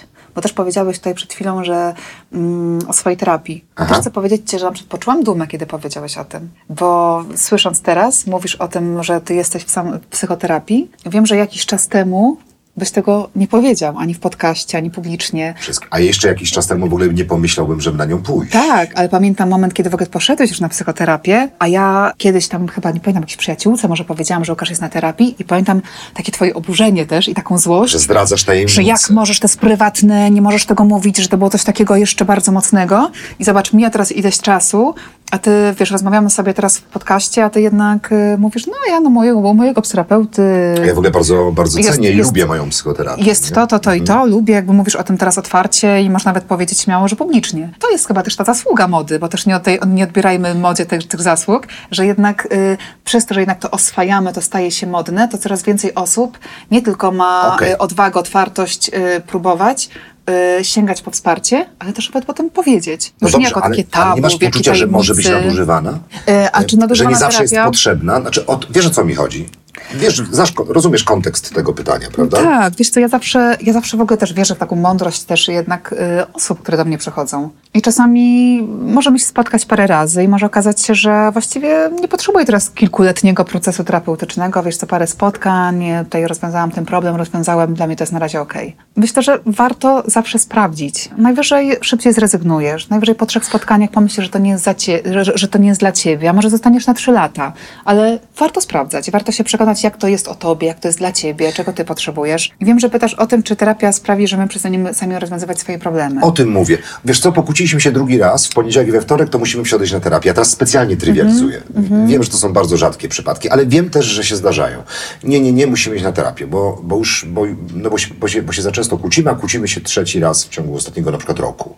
Mhm. Czyli nie za często. I teraz, no wiesz, no każdy kij ma dwa końce. Każdy sznur ma swój początek i koniec. No wszystko gdzieś e, ma swoją mroczną stronę. Czy istnieje takie zagrożenie, że przestaniemy pracować sami, bez udziału, bez pomocy specjalistów? Dla mnie nie. Okej, ale to jest, to jest bardzo dobra, krótka odpowiedź na temat. I powiem Ci, że w momencie, to jest taki dobry moment, żeby pójść na terapię własną, czy dla terapii, na, na terapię dla par, kiedy mamy jednak poczucie, a jednak ludzie to czują, y, że po prostu już sami nie poradzą sobie. Ja wiem na przykład, że ja idąc na własną terapię, z pewnymi rzeczami w swoim życiu nie mogłam sobie poradzić, ale nie miałam jak sobie poradzić, bo ja po prostu nie miałam narzędzi, nie miałam świadomości, nikt, nikt, mnie- nikt mnie też tego nie nauczył. I terapia jest pewnego rodzaju też przestrzenią, w której ty możesz nauczyć się rozwiązywać problemy.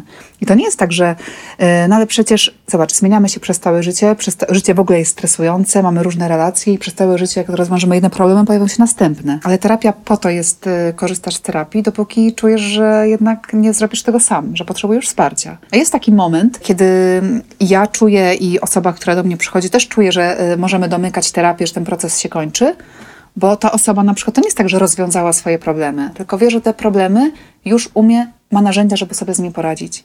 A jak sobie z nimi nie radzi, to wie, jak być w tym, co trudne, nie popadając, nie wiem, w jakieś zaburzenia, w choroby, w depresję, czy nie, tylko po prostu już wie, że czujesz się e, w taki sposób, że wiesz, że już e, umiesz sobie udzielić samopomocy i wsparcia. Czy usłyszałaś kiedyś na terapii coś, co cię przerosło?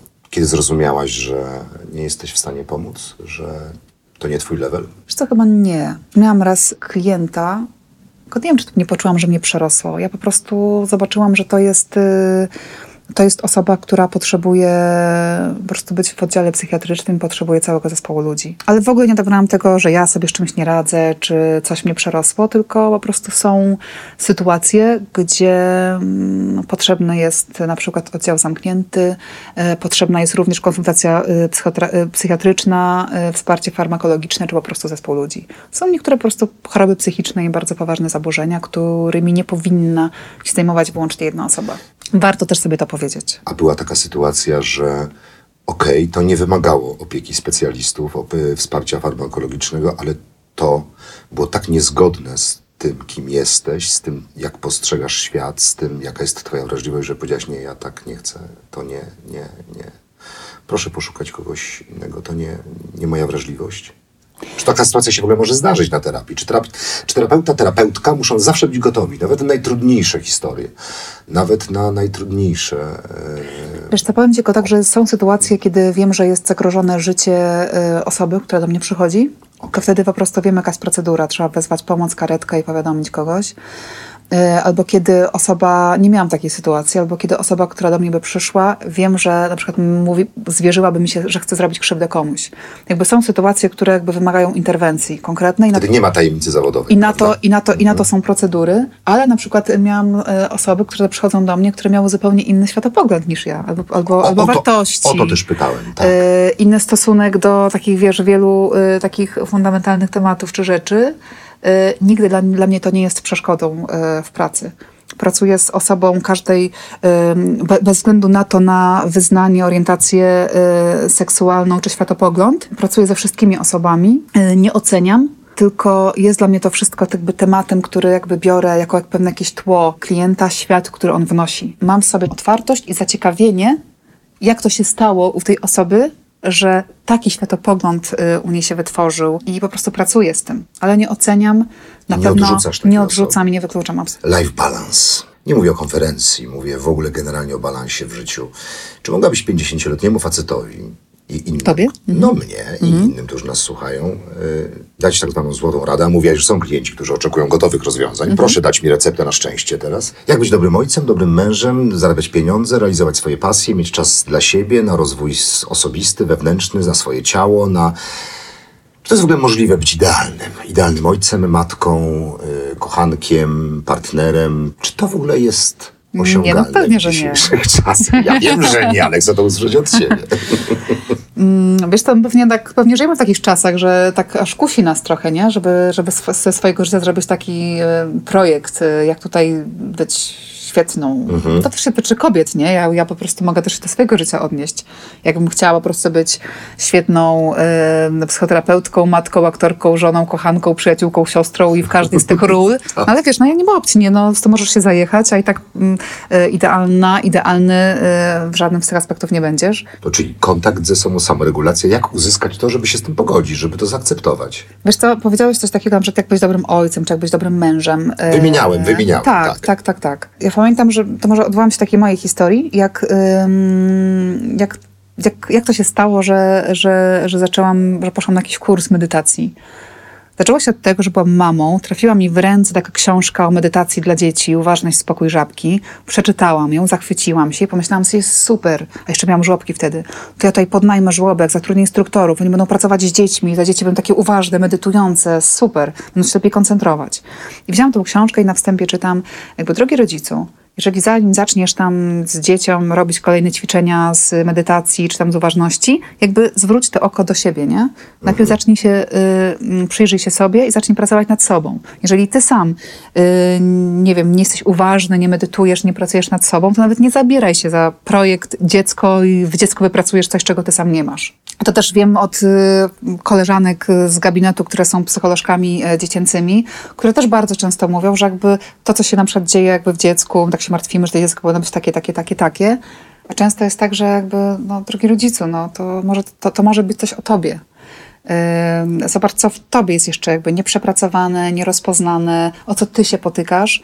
Yy, I to jest zawsze to zwrócenie oka na siebie. Mm, No okej, no zwróciłem y, oko na siebie i jak zaakceptować to, że nie będę idealny? Że y, jak to zaakceptować? Jak, to, jak to po, polubić? Zaakceptować taki stan, taką sytuację. W tym wiecznym poszukiwaniu i tej pogoni za doskonałością, Wiesz której nie- towarzyszy nasz świat. To towarzyszy naszemu Mnie światu. bardzo wspiera w tym medytacja. Dla mnie ten cały y, w medytacji również praktykuję życzliwość dla siebie, nieoceniający stosunek do siebie, łagodność w stosunku do siebie, wybaczenie też samej sobie, że nie jestem perfekcyjna, że nie jestem idealna, że jestem omylna i że mam swoje słabości, mam swoje wady, y, mam jakąś swoją historię, mam jakąś swoją osobowość i mam też jakiś układ nerwowy, który ma takie, a nie inne cechy. I cały czas praktykowanie tej y, życzliwości do siebie, akceptacji, wybaczeniu, takiego naprawdę takiemu wybaczeniu, że po prostu no jestem, mam jakiś swój potencjał i tego nie przeskoczę. Nie? I takie po prostu... I świat ma potencjał, prawda? Ma świat ma potencjał. potencjał nie wiadomo jaki, czasami sytuacja Mhm. uniemożliwia ci zrealizowanie swojego, e, wykorzystanie swojego potencjału w pełni, bo po prostu jest to z takich, a nie innych powodów niemożliwe. To jest ten kierunek, że zawsze możemy starać się być w kontakcie z tym potencjałem, przede wszystkim rozpoznawać go i nawiązywać tą, budować tą najważniejszą, kluczową relację w naszym, życiu, w, w naszym życiu, czyli z samą sobą, z samym sobą. Poznać siebie. A jak poznawać siebie? Od czego rozpocząć poznawanie siebie? Jaki jest początek? No ktoś na Usiąść? teraz słucha. No, Usiąść? siadam. I zauważ to, jak oddychasz. Patrz, od razu zacząłem regulować oddech, kiedy przyjąłem pozycję taką siedzącą. Próbowałem się skupić i od razu zacząłem lepiej oddychać. Zobacz, kiedy siadasz, to już wychodzisz z działania. Tylko wchodzisz w stan bycia. Skieruj uwagę na oddech i w ogóle zauważ to, jak oddychasz. Teraz oddycham tak jak trzeba. Mam taki pełny oddech. Normalnie w ogóle nie zwracam na to uwagi. Ale zobacz, tak jak trzeba, czy mam pełny oddech, nie? Tutaj już w tym jest e, jakieś założenie. Coś trzeba, nie trzeba, powinienem, może muszę mieć taki oddech. A ja zobacz, na początku zaczynam od tego, nieważne, czy masz oddech płytki, regularny, czy nieregularny, czy w ogóle go czujesz, czy nie. Zwróć w ogóle najpierw uwagę, to jak Ale oddychasz. przepraszam, ale ja powinienem poprawnie oddychać. To jest bardzo ważne dla mojego ciała i dla mojego organizmu. Jeżeli oddech jest zbyt płytki, szarpany, krótki, nie dotleniam organizmu. Odpowiadam ci racjonalnie. Jak to nieważne? Trudny klient. Wiesz, to chyba, chyba nie. Tylko już jest w tym, zobacz, bardzo dużo takiego napięcia i takiego stresu, że ty musisz, że powinieneś, że oddech musi być taki. A patrząc szerzej, podłącz pod to to wszystko, ile my sobie narzucamy sami. Muszę być taka, powinnam być taka, tego nie powinnam robić. Te wszystkie ambicje, które e, jakby w nas się gdzieś głęboko odzy- od- odzywają, nie? A punktem wyjścia jest to, zauważ w ogóle to, daj sobie w ogóle usiąść i daj sobie czas na oddech. Zauważ to, że oddychasz w poczuciu, że gdziekolwiek go czujesz, jest okej że sam początek jakby startu bycia, to to samo, że jesteś, to wystarczy. To wystarczy, żeby czuć siebie jako osobę pełną, wystarczającą. Ten sam taki akt bycia. Zaakceptowanie siebie na początek. Po prostu przyjęcie tego, nie? Przyjęcie. Że sam fakt to, że jesteś na tym świecie, to sprawia, że y, zasługujesz na miłość, na akceptację, na zrozumienie, na szacunek innych osób. I zasługujesz, żeby samemu poświęcić sobie, poświęcić sobie y, czas i uwagę. Śmieszną, śmieszną rzecz teraz chciałbym powiedzieć, że w kontekście swojej żony powiedzieć coś. Słyszałem takie twoje słowa, nie? Ale słyszałem takie słowa, y, twoje słowa, że bardzo istotna i naj, najciekawsza w życiu, albo jedną z najciekawszych rzeczy jest dla ciebie zmiana. Wiesz co, zmiana jest dla mnie ważna, ale w takim kontekście, żeby od razu ją trochę przedefiniować. I często nie podoba mi się y, ta zmiana to jest kolejne słowo jak tu i teraz, które też jest bardzo często nadużywane. Różne są teraz portale, zajęcia, warsztaty, jest teraz w ogóle tego na, na rynku bardzo dużo i dużo jest takich haseł, y, zmień swoje życie, afirmuj codziennie, zmienisz swoje życie, zmienisz siebie. Y, to taka pokusa, tak jakby nam rzucono taki wabik, kup, zrób, przyłącz się do mnie, a twoje życie się zmieni, a ty się zmienisz na lepsze. Y, że ta zmiana Jak jest sekta to brzmi. tak, ma, ma być tym, co nas tak y, ma zwabić. Mm, I tak samo do gabinetu przychodzą do mnie osoby, na przykład, y, teraz posłużę się tutaj takim przykładem y, lęku, kiedy mówi do mnie osoba, że mam ataki paniki albo w ogóle czuję dużo lęku, proszę zrobić coś, żeby to zmienić. Ja chcę, ja chcę to zmienić, nie chcę tego czuć. I od razu to jest taki moment, gdzie próbuję to jakby naprostować i powiedzieć, że ja teraz zapraszam ciebie nie do zmiany, ale najpierw do zaakceptowania, do przyjęcia tego, że na teraz jesteś osobą, która doświadcza dużo lęku. I dla mnie na początku to jest ta praca. W przyjęciu, zaakceptowaniu, jakiegoś ułożeniu się z tym, że tak, jestem osobą, która ma w sobie dużo lęku. Ja w ogóle nie myślę o zmianie. I mówię to do mojego, klientka, do mojego klienta czy klientki, odrzuć w ogóle myślenie o zmianie. My tu nie będziemy pracować nad zmianą, żebyś nie czuła Okej. lęku. Będziemy pracować Rozumiem. nad tym, żebyś ty rozpoznała, oswoiła i zaakceptowała ten lęk, który jest w tobie. I pod to można podłożyć tam różne figury, ale y, jest dla mnie zaakceptowanie bardzo ważnym elementem do tego, żeby w szerszym planie w przyszłości coś rzeczywiście mogło się zmienić w twoim funkcjonowaniu, ale sama zmiana ma być czymś, co się wydarza przy okazji, ale my pracujemy nad akceptacją. Rozumiem. Albo na przykład nad przyjęciem tej emocji jakiejś trudnej, po to, żeby ją wysycić. Bo Mhm. emocja wysycona, ona płonie na początku żywym ogniem, a potem dogasa, tak jak polano Boli, nie? Na początku boli, na początku Trudno jest tym być. nie? Bo jest trudno być y, w tym stanie, kiedy doświadczasz tej trudnej emocji. Ale trzeba ją wysycić po to, żeby ona tak się gdzieś y, przygasiła, wysyciła naturalnie po to, żeby mogła pojawić się w tobie przestrzeń na jakąś inną, przyjemniejszą emocję. Mówi się, że 60, jeżeli 60% terapii jest zakończonych sukcesem, to jest bardzo dobry wynik. Zgadzasz się z tym? 60%. Ja wiesz, to nie wiem, że tak się mówi. Ani nie znam takich No liczb, ja ani, ani takich statystyk. y, Ale wiesz, pytam cię dlatego, bo to oznacza, że nie wszystkie. I idę dalej. Jeżeli to jest prawdą, te, te, te, te, wskaźniki, o których się mówi, jeżeli to jest prawdą, to 40% nie. I dlatego chciałem też zapytać, czy terapia w ogóle może zaszkodzić? Czy ona zawsze pomaga i zawsze jest dobra? Wiesz co, jeżeli chodzi w ogóle o taką etykę zawodową, to Mhm. y, też uczono mnie w szkole. Najważniejsze jest to, żeby nie zaszkodzić. To jest najważniejsze. Czyli można zaszkodzić. No pewnie, że można. I nawet w najłatwiejszy sposób można zaszkodzić wtedy, kiedy jesteśmy jako, jako ci terapeuci tymi osobami, które widzą, uważają, że widzą więcej, wiedzą więcej i zaczynają prowadzić tego e, swojego klienta, czyli być, tym, być ten krok przed nim. I zaczynają na przykład Stają się mentorem, a nie terapeutą. Trochę tak, bo w tym momencie dla mnie to może być szkodliwe. Po pierwsze, osoba, która przychodzi na terapię, może usłyszeć zbyt szybko rzeczy, na które jeszcze nie była gotowa. Po drugie, y, przestaje czuć się odpowiedzialna za swój proces, tylko już czuje się prowadzona, więc wchodzi w takie przewodnictwo, a nie buduje przez to swojej sprawczości i odpowiedzialności za swój proces, że to jest jej proces. I to jest niebezpieczne. I to może być niebezpieczne. Mhm. Słuchaj, czyli terapia może zaszkodzić, jeżeli wybierzemy złego terapeutę. Czy mogłabyś teraz, jeżeli ja bym teraz chciał, niektórzy, niektórzy tak jak ja mają łatwo. Kochanie, może byś mi pomogła, znasz ten świat, wiesz kogo doradzić. Jak znaleźć dobrego terapeutę? Czy to jest tylko tak, że pytamy ludzi, znajomych, którzy byli, ale też nie zawsze chcemy się dzielić tą informacją, że idziemy na terapię. Rozmawialiśmy o tym dzisiaj. Nie każdy chce, żeby to była ogólnie e, znana mm, wiedza. Pierwsze spotkanie, pierwsza terapia, pierwsza próbna terapia. Co y, powinno zapalić w nas czerwone światełko ostrzegawcze? Jakie zachowanie naszego terapeuty?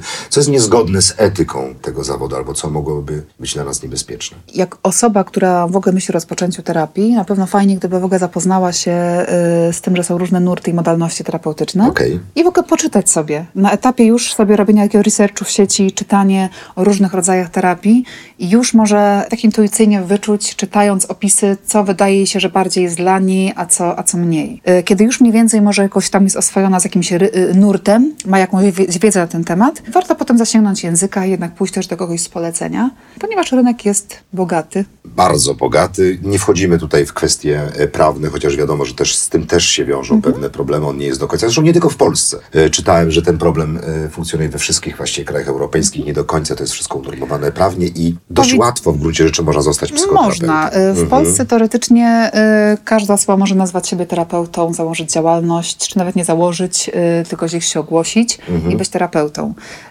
Dlatego też warto sprawdzić, a są takie portale i miejsca, gdzie można sprawdzić listę terapeutów certyfikowanych i też bardzo To polecam to, ułatwia w robić. Przynajmniej wtedy masz pewność, że to jest osoba, która rzeczywiście skończyła taką, a nie inną szkołę psychoterapeutyczną. I to, i to, i to można sprawdzić. Plus to polecenie, o którym mówisz. Polecenie. Dobrze, a teraz tak, siadam. Mhm. Proszę, proszę, przepraszam, przepraszam, bo chciałem tak Yy. teraz konkretnie wymienić te, te rzeczy, które powin, na które powinniśmy No zwrócić i uwagę. to, co jeszcze jest ważne, tak jak mówiłam też na początku, że ja poszłam do pierwszej terapeutki i dopiero chyba zostałam przy dłuższym procesie chyba trzeciej osoby, żeby dać też sobie czas yy, na poszukanie odpowiedniej osoby dla siebie, bo bardzo, to jednak jest bardzo yy, intymny yy, proces, często długotrwały, czy nawet długoletni i ważne, żeby osoba, z którą ty wchodzisz w ten proces, po prostu była tą odpowiednią osobą. Czasami trzeba w taki zwykły, ludzki sposób poczuć, że lubi się tą osobę, że czujesz jakąś nić Nie porozumienia. zawsze trafimy za pierwszym razem, nie Oczywiście, bójmy się tego. oczywiście. I to jest spokojnie, po prostu trzeba mówić nie, dziękuję, y, szukam dalej. Dajcie sobie prawo do tego i to jest znowu o tym zaufaniu do siebie, że warto je mieć, pielęgnować w sobie, ale też na pewno, kiedy już jesteście jakiegoś mm, e, psychoterapeuty czy psychoterapeutki i nagle ta osoba zaczyna wam mówić, co macie robić albo wam dawać konkretne rady, to dla mnie to też jest no, lampka ostrzegawcza. Mówić, co mamy robić, dawać konkretne rady. E, nie umie słuchać. To też może No, być pewnie e, tak. lampka ostrzegawcza, prawda? E, nie umie słuchać, narzuca nam e, swoją wolę. Mm, nie wiem, nie ma doświadczenia, sprawia... A, a to na przykład, że sprawia, że czujesz się źle. Nie?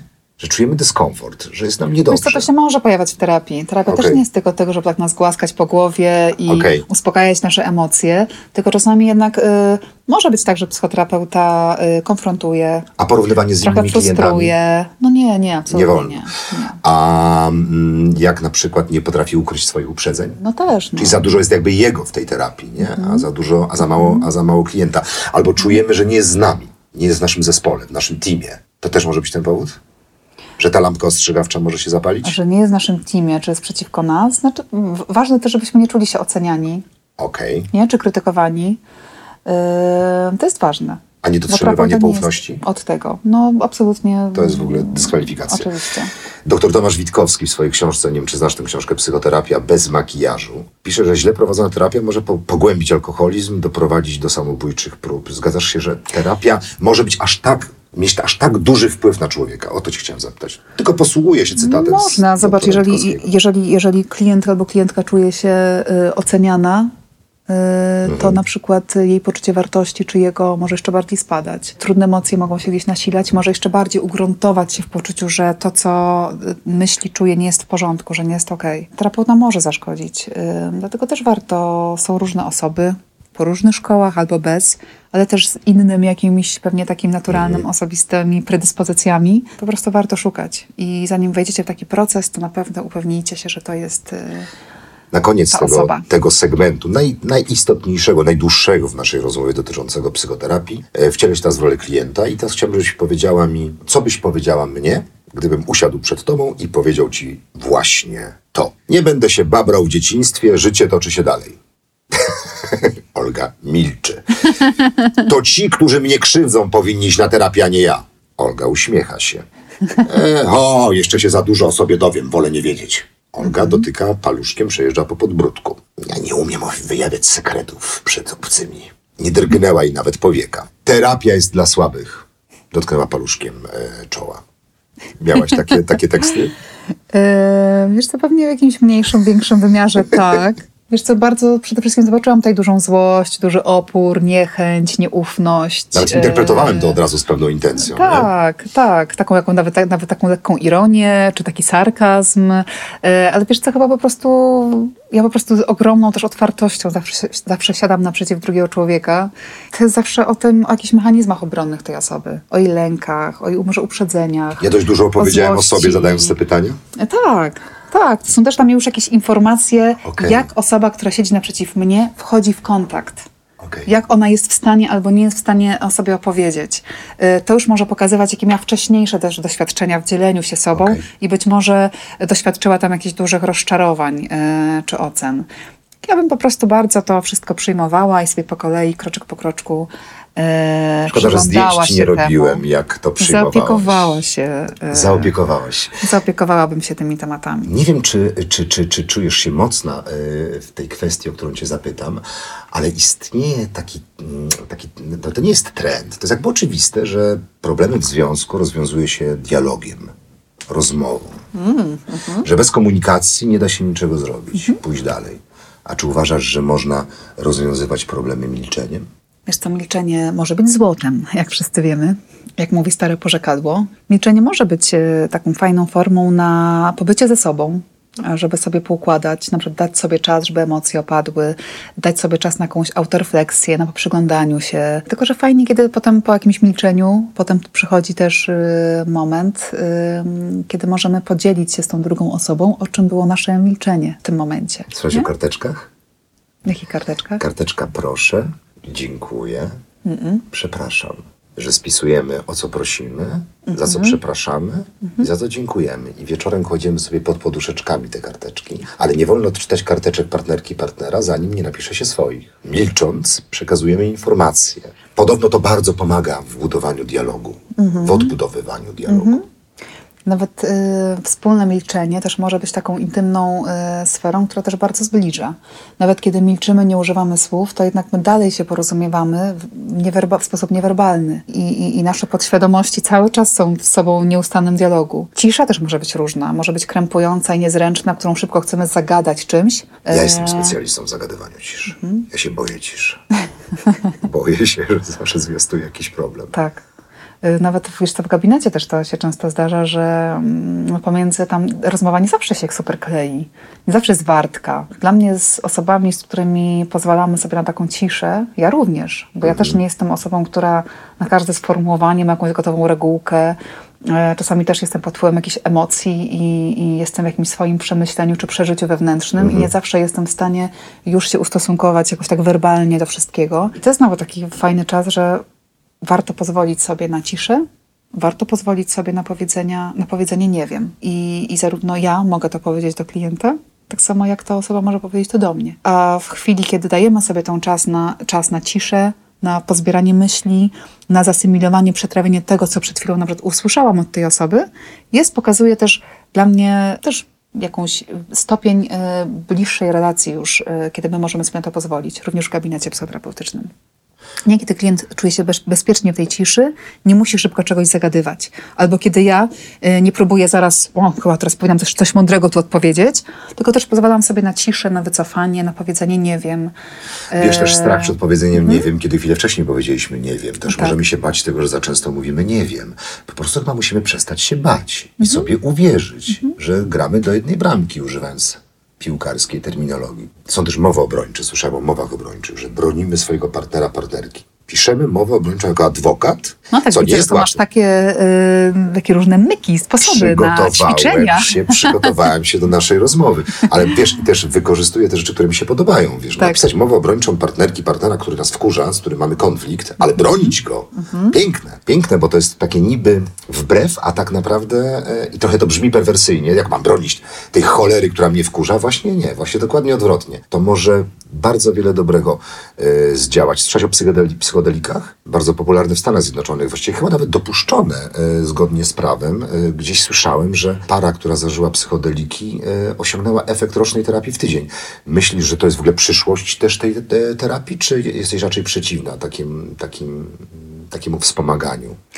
Wiesz co, powiem szczerze, zresztą wiesz, że ja psychodelików y, nie używam, ja nie mam takich doświadczeń, więc nie mam też takiego swojego osobistego zda- zdania na ten temat. Y, Wiem, że i w świecie psychiatrii, psychoterapii temat psychodelików pojawia się coraz częściej. Nawet w Warszawie była konferencja już na ten temat też zorganizowana.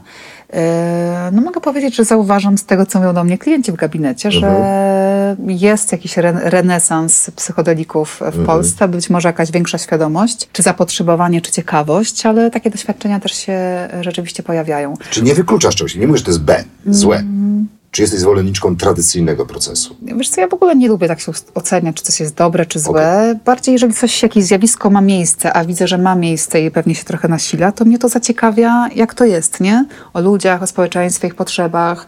To jest jakaś informacja, nie? Jakiś ruch jest i jakby mnie to y, ciekawi. Czy jesteś Ale czuła powiem na ci to? tylko Zauważysz. zaciekawiona. Z psychodelikami, tak samo jak są też takie, czy jakaś hipnoza, czy są też takie nie wiem, ustawienia y, hellingerowskie. Są takie metody, które y, również psychodeliki, które mogą y, sprawiać, że ten wyglądy y, są takie gwałtowne, silne i bardzo mocne. I z jednej strony to rzeczywiście może bardzo przyspieszać taki proces rozwojowy, bo można, wiesz, dochodzić latami tam do czegoś, albo być w jakimś weekend, pójść na jakiś weekend, na jakieś warsztaty i nagle pach. Ale trochę na skróty, nie? Wiesz co, jakby istnieje niebezpieczeństwo, że możemy podczas takich praktyk dostać tak silny wgląd, tak mocny, który nie jest e, adekwatny z tym naszym wewnętrznym procesem e, i z naszą i świadomością, i podświadomością. I po roku może się okazać, że to nie przyniosło efektu Nawet trwałego. Nie, wiesz, nawet nie po roku, tylko może na ciebie spaść, jak to powiedzieć, tak silne doświadczenie, którego na teraz nie jesteś w stanie udźwignąć. Czyli to jest ryzykowne. Jest ryzykowne. Ono może Okej. skrzywdzić. Okej. Nie? Proces terapeutyczny jest y, wolny, długotrwały, ale on idzie stopniowo. Czyli jest bezpieczny. Według bezpieczny, dużo bardziej bezpieczny. A do tego ten proces odbywa się powoli, na tyle, na ile ty jesteś w stanie już pewne rzeczy poruszać, dostrzec, poczuć, ale to jeszcze się odbywa w kontakcie w obecności terapeuty, nie? Więc to jest też bezpieczne. A przy innych praktykach nagle spada na ciebie ogromna świadomość, czy ogrom, ogromny wgląd, czy jakiś kontakt z jakąś traumą, czy jakimś bardzo silnym przeżyciem i może to nas zdezintegrować, może nas rozbić, może nas wywołać ogromny lęk. E, więc jest na pewno, te metody są bardziej ryzykowne. To, Ale co jest ważne, ciekawość. to, co jest ważne, to nawet jak powiedzmy idziemy na ustawienia, same ustawienia w sobie mogą być super, bardzo jakby cenne, wartościowe, ale warto, żeby być wtedy na przykład w procesie terapeutycznym, Okej. żeby te metody jakby były uzupełnieniem i to potem masz z kim to przepracować, to, co tam zobaczyłaś, czy, czy, czy doświadczyłaś. Nie dotykajmy ustawień hellingerowskich, bo to jest temat na 30-40 minut rozmowy, a ja już chcę przejść do ostatniej części naszego spotkania, e, niezwykle ważnej, być może najważniejszej. Chcę pogadać o czułości. Chcę pogadać o czułości i znowu posiłkując się, to bardzo bliskie nam słowo, przecież razem szukaliśmy kiedyś tego słowa, pamiętasz? Myśleliśmy o łagodności, czułości, delikatności i ta czułość tak się gdzieś w tym naszym życiu nieustannie pojawia. E, Znowu Wojtek Eichelberger, drugi raz go będę cytował, mówi, że czułość wymaga odwagi, że wcale nie jest taka łatwa żeby być czułym. Nie wiem, czy słyszałaś piękną mowę noblowską Olgi Tokarczuk e, o, O czułości? o czułym narratorze, czyli o czułości wobec osób obcych, nie? Czy w ogóle, w ogóle jak trudno, jak niełatwo być czułym wobec ludzi obcych. A może właśnie łatwiej być czułym wobec ludzi obcych niż wobec najbliższych. Czułe miejsca, to jest już i ta czułość, o której mówimy, ta emocja, to też jest trochę nasz, twój biznes, trochę ta czułość nas otacza. Powiedz mi proszę, skąd się w ogóle, w ogóle inaczej, czym dla ciebie jest czułość? Czy rzeczywiście wymaga odwagi, tak jak mówi Echelberger, czy nie? Na pewno, wiesz, no, sięgając po nasze czułe miejsca, sięgamy w te obszary takie najbardziej w nas miękkie, odkryte, niezabezpieczone. Kiedy dotykamy swoich czułych miejsc, to jednocześnie narażamy się na, na to, bo one są bezbronne, te miejsca, nie? Jak je komuś pokazujemy, to równie dobrze można łatwo potem nas zranić, dotykając tych miejsc.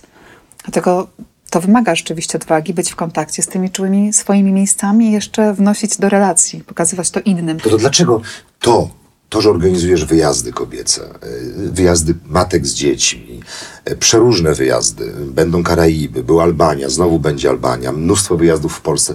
Dlaczego to wszystko otacza czułość w nazwie? Wiesz, to czułość chyba nawet teraz mi próbuję, czy to jest wartość, czy to jest może bardziej jakaś jakość, y, która jest y, mi bliska, której sama potrzebuję, y, której cały czas się uczę, jeżeli chodzi o okazywanie jakby sobie czułości, żeby też nie być dla siebie takim surowym krytykiem, tylko jednak dawać sobie tą czułość, zrozumienie, tą akceptację i taka umiejętność przez to, że ja sama sobie tego doświadczam i widzę, jaką to ma piękną moc, jak, jakie też ma takie działanie uzdrawiające, pokrzepiające, kojące. Dlatego zawsze w pracy z ludźmi staram się też taką jakość wytwarzać i dawać innym, ale też rozszerzać taką świadomość oko, jak ty jesteś ze swoimi czułymi miejscami, nie? co w tobie jest czułe. I organizując twoje różne wydarzenia, zawsze też zależy mi na tym, żeby te osoby czuły, że są w przestrzeni y, życzliwej, bezpiecznej, gdzie Że są zaopiekowani. zaopiekowane. I z takiego poziomu, y, tak jak teraz robiłam w weekend warsztaty mindfulness, że są zaopiekowani, bo piszę nawet w tych warsztatach, że zapraszam na warsztaty, na których y, i są maty, koce, poduszki, że ja zamawiam lunch, y, nie wiem, daję materiały i nagrania do medytacji i książkę, a ty zabierasz wyłącznie siebie. I chcę, żeby osoba, która wchodzi do mojej przestrzeni, czuła się taka jakby zaopiekowana. I mam też takie poczucie, tak jakbym ja zapraszała do swojego domu. Ważna jest dla mnie gościnność, że jak jest ktoś w mojej przestrzeni, to staram się otoczyć tylko taką czułością, opieką, żeby czuł się dobrze. Mogę coś powiedzieć? Mhm. Ty robisz to też w życiu prywatnym. Często nawet pamiętasz, jak się czasami sprzeczamy, Mhm. ja mówię, przecież wpadają do nas sąsiedzi, błagam, po co mam jechać po ciasto do Mydlewskich? No, po kiego grzyba? No przecież normalnie wpadają sąsiedzi z zapłotu. Nie, ma być ciasto, ma być to, ma, oni mają być zaopiekowani w naszym domu. To nie jest tylko biznesowe u ciebie, ty po prostu tak traktujesz ludzi. Ale no, to, jest, to jest to, co mnie, dla mnie jest jakąś jakością wartościową. Staram się gdzieś przekazywać dalej.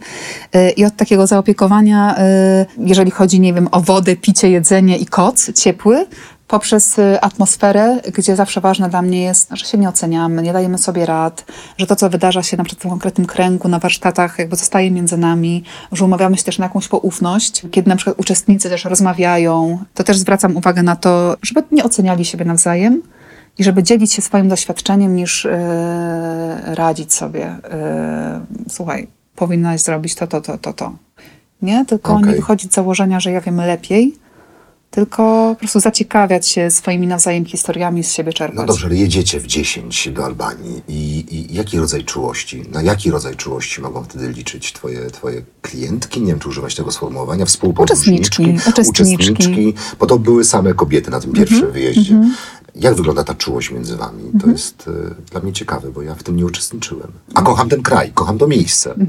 Co im podoba? I wiem, jaki, jaki rodzaj czułości może dać Albania, ale jaki rodzaj czułości dajesz ty? Wiesz co, kiedy po prostu jedziemy wspólnie, na pewno dbam też o to, o przestrzeń, y, żebyśmy mogły się poznać, żebyśmy mogły się zintegrować.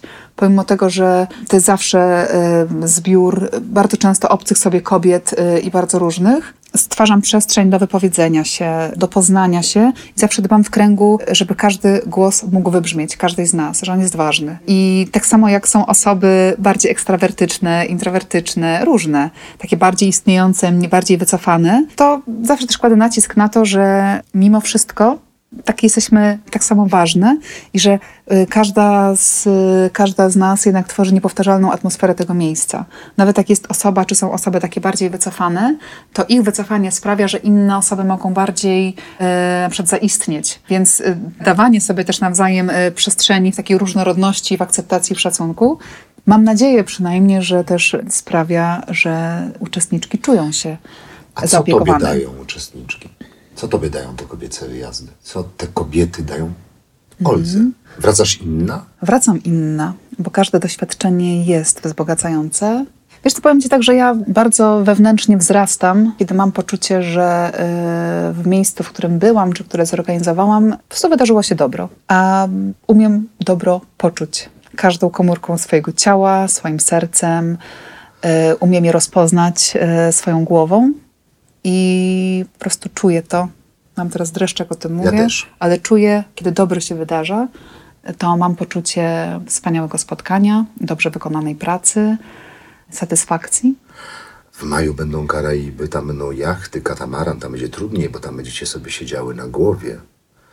Nie będzie tej przestrzeni, żeby w Sarandzie można uciec, można Mhm. pójść na spacer, można wziąć głęboki oddech. To będzie inny rodzaj wyjazdu, nie? Pewnie inny rodzaj, ale jednak ym, bycie na wspólnej łódce w jakimś sensie też stwarza nam przestrzeń do bliskości, ale z drugiej strony ta wielka przestrzeń, która nas otacza, ten bezmiar morza, nieba po, morza po horyzont, też sprawia, że to jednak jest, nie wiem, inna Czujesz obawy przed tym Nie, wiesz co, w ogóle nie czuję obawy. Nie Teraz tak powiedziałeś o tym, ja w ogóle tak nie pomyślałam o tym w kontekście, że my tak jesteśmy razem. Wiesz co, ja pływałem na jachtach, na takim, na stąd takim, wiem, że to ścisku. jest trudne, nie? Czasami, nie? Że jak płyniesz, nawet na Mazurach, yy, masz dwie, trzy kajutki, wiesz, no to jednak jesteśmy cały czas razem, nie? Wiesz co, ale ja lubię intymność i mam poczucie, że to jest jacht, czy to jest Albania, czy to są warsztaty, jednak i tak, i tak jesteśmy razem. My i tak jesteśmy w tym kobiecym krągu, i tak jesteśmy, oddziałujemy na siebie nawzajem. W ogóle nie mam takiej obawy.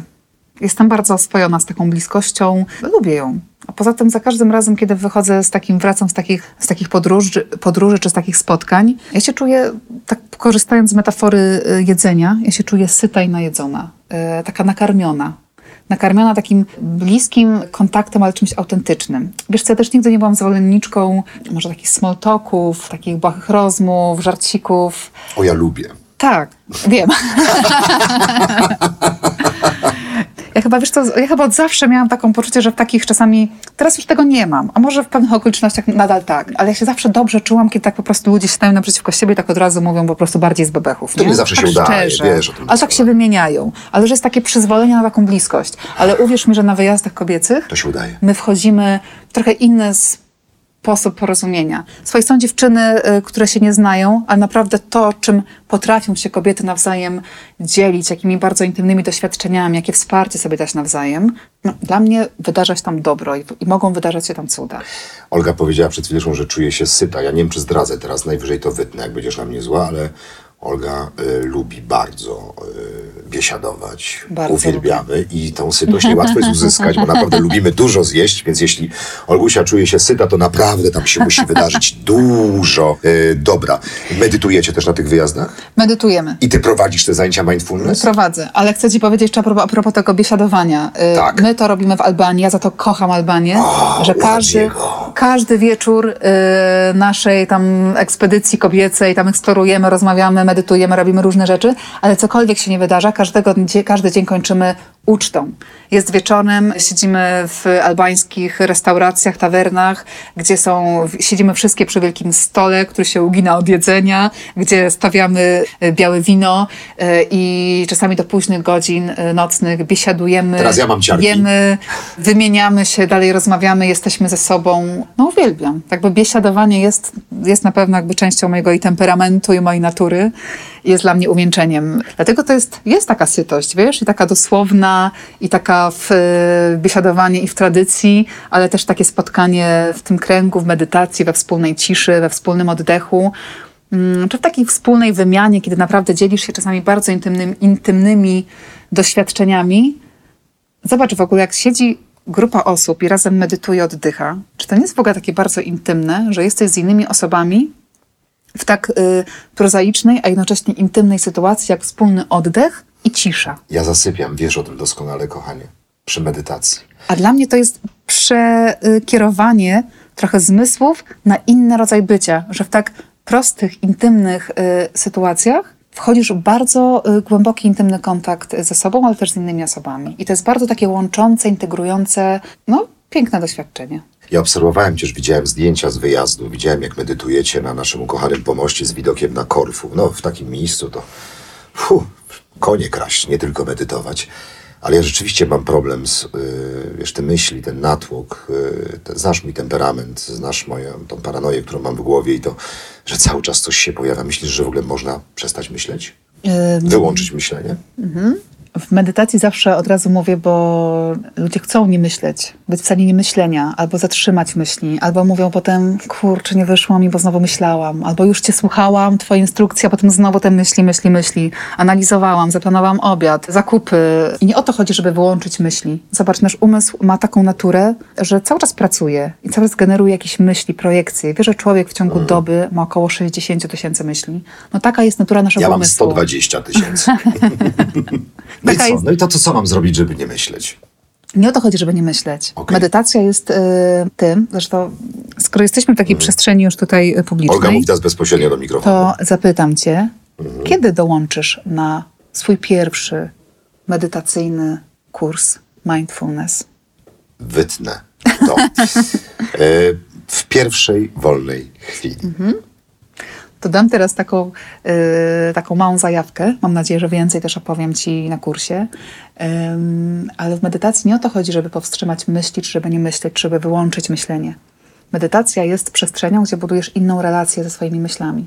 Traktujesz myśli jak jeden z wielu różnych procesów, który zachodzi w Twoim organizmie. To jest akurat myślenie z procesem mentalnym, który zachodzi w Twojej głowie. I nie próbujemy go z założenia usunąć, wyciszyć, czy właśnie zmienić, ale budujemy inny stosunek do myśli. Nie jesteśmy myślami, ale jesteśmy osobą, która dostrzega myśli. Ja zmieniam stosunek, czyli nie wierzę w każdą myśl, która pojawia się w, moim, w mojej głowie. Nie wierzę, że ja jestem taka, jak myślę na swój temat, na temat ciebie, y, innych osób czy świata, tylko zauważam, aha, teraz myślę y, o świecie w taki w taki sposób. Zauważam, że pod wpływem lęku treść Rozumiem. moich myśli się zmienia. Wiesz, o czym ja teraz pomyślałem? Że pięknie mówisz i zacząłem zastanawiać się, zobacz, zobacz, to jestem ja. Uciekły mi myśli i zacząłem myśleć, czy ja na pewno włączyłem mikrofon. A co jeśli nasza dwugodzinna rozmowa, która już za chwileczkę się skończy, w ogóle się nie nagrała? Czyli teraz poczułeś lęk. Poczułem lęk. Zerkam. Nagrywa się. Ale patrz, ale nie opanowałem tego, bo interesowało mnie to, co mówisz. Oczywiście ja y, prowadząc podcast, tak, no muszę zerkać tu, tu, tu, kontrolować czas, no muszę. Taka robota. Ja się nie mogę tutaj odciąć. Ale cały czas mam problem, kochanie, z tym, żeby wyregulować swoje myśli. One cały czas pochłaniają mnie z lewa, prawa. Może rzeczywiście powinienem zacząć jednak medytować. Nie wiem, to znowu pytanie, czy medytacja jest dla każdego, czy nie, ale... O, mam takie pytanie, ale go nie ale, zadałem. Ale myślę, że warto spróbować. Medytacja jest treningiem umysłu, inną trochę możliwością bycia w relacji z samym sobą, też z myślami. No to chodzi, żeby sobie oglądać nasze myśli, ale świadomie nie wchodzić w ich treść, nie zasilać ich uwagą, nie podłączać pod te emocji, kiedy w danym momencie wiem, że nie będzie mi to służyć. Puszczać sobie te myśli, jakby były takim tłem, jak muzyką włączoną w tle, niech one sobie tam gdzieś płyną, obserwować sobie myśli, tak jak się obserwuje nieraz obłoki, obłoki na niebie, ale uwagę y, skierować nie na nie, żeby te myśli zasilać, tylko zawrócić uwagę do oddechu, do odczuć z ciała. Czyli do tego, co jest realne, tu i teraz, nie? Bo myśli są projekcjami. I poczuć ciało, nie? Pamiętam takie, jak robiłaś mi skanowanie czasami, nie? Pomyśl o swojej ręce, pomyśl o swojej nodze, o różnych częściach. Pamiętasz? Coś takiego jest. Ja już tam po paru minutach zasypiałem, co też chyba nie jest złe, prawda? No bo Nie zaśnięcie też oznacza, że pojawia się pewien komfort, tak? W Że... medytacji nie ma złych doświadczeń. Na koniec chciałem cię y, zapytać, tak bardzo filozoficznie. Dziwny mamy ten świat, w którym żyjemy, nie? Myślisz, że będziesz miała coraz więcej pracy, czy za chwileczkę będziesz cierpiała na niedobór klientów? W jaką stronę zmierza ten nasz szalony, nieuporządkowany świat? Wierzysz w niego? Wierzę. Wierzę i od zawsze czuję taką irytację, kiedy zawsze oglądałam filmy takie o przyszłości, czy różne filmy, wiesz, science fiction, które pokazują nam to, co się stanie w świecie w przyszłości. One przeważnie są, te wizje są bardzo negatywne, szare, yy, mroczne. Rzeczywiście. Nie Zawsze czułam taki duży sprzeciw y, w stosunku do tego. I jak gdzieś mam w sobie nadzieję, wiarę i pielęgnuję ją w sobie. Tak samo jak pracuję z młodymi osobami i, i widzę w nich ogromny potencjał, tak samo wierzę, że technologia może nam służyć i, i, i sprawiać, że ten świat będzie nam dla nas y, może prostszy i- i wygodniejszy. A nasza świadomość, y, mam nadzieję, y, szacunku do tej planety i do Ziemi, mam nadzieję, że też wzrasta i że to wszystko nas zaprowadzi w jakieś jednak lepsze miejsce, w którym będzie, będzie kiedyś naszym dzieciom i ich dzieciom lepiej. Czyli wierzysz w ludzi. Wierzę, Wierzysz w dobro. wierzę. Wierzysz, że wierzę człowiek gdzieś jest tam, dobry, że nie jest z natury zły. Wierzę, wierzę w potencjał człowieka. Chociaż wiem, że też zło istnieje. O, tak. Pięknie Ci dziękuję za to spotkanie. Bardzo dla mnie intymne, bardzo dla mnie e, szczególne. Przyznam się Wam, że byłem zestresowany, a potem jakoś ten stres w trakcie naszej rozmowy A tak odszedł. pozwolę sobie zapytać tak, tak jak kończę zawsze sesję. Z czym kończysz, jak się czujesz? Po przeprowadzeniu rozmowy z żoną. Jest we mnie duża radość, spełnienie i szczęście. Z Nowickim po drodze.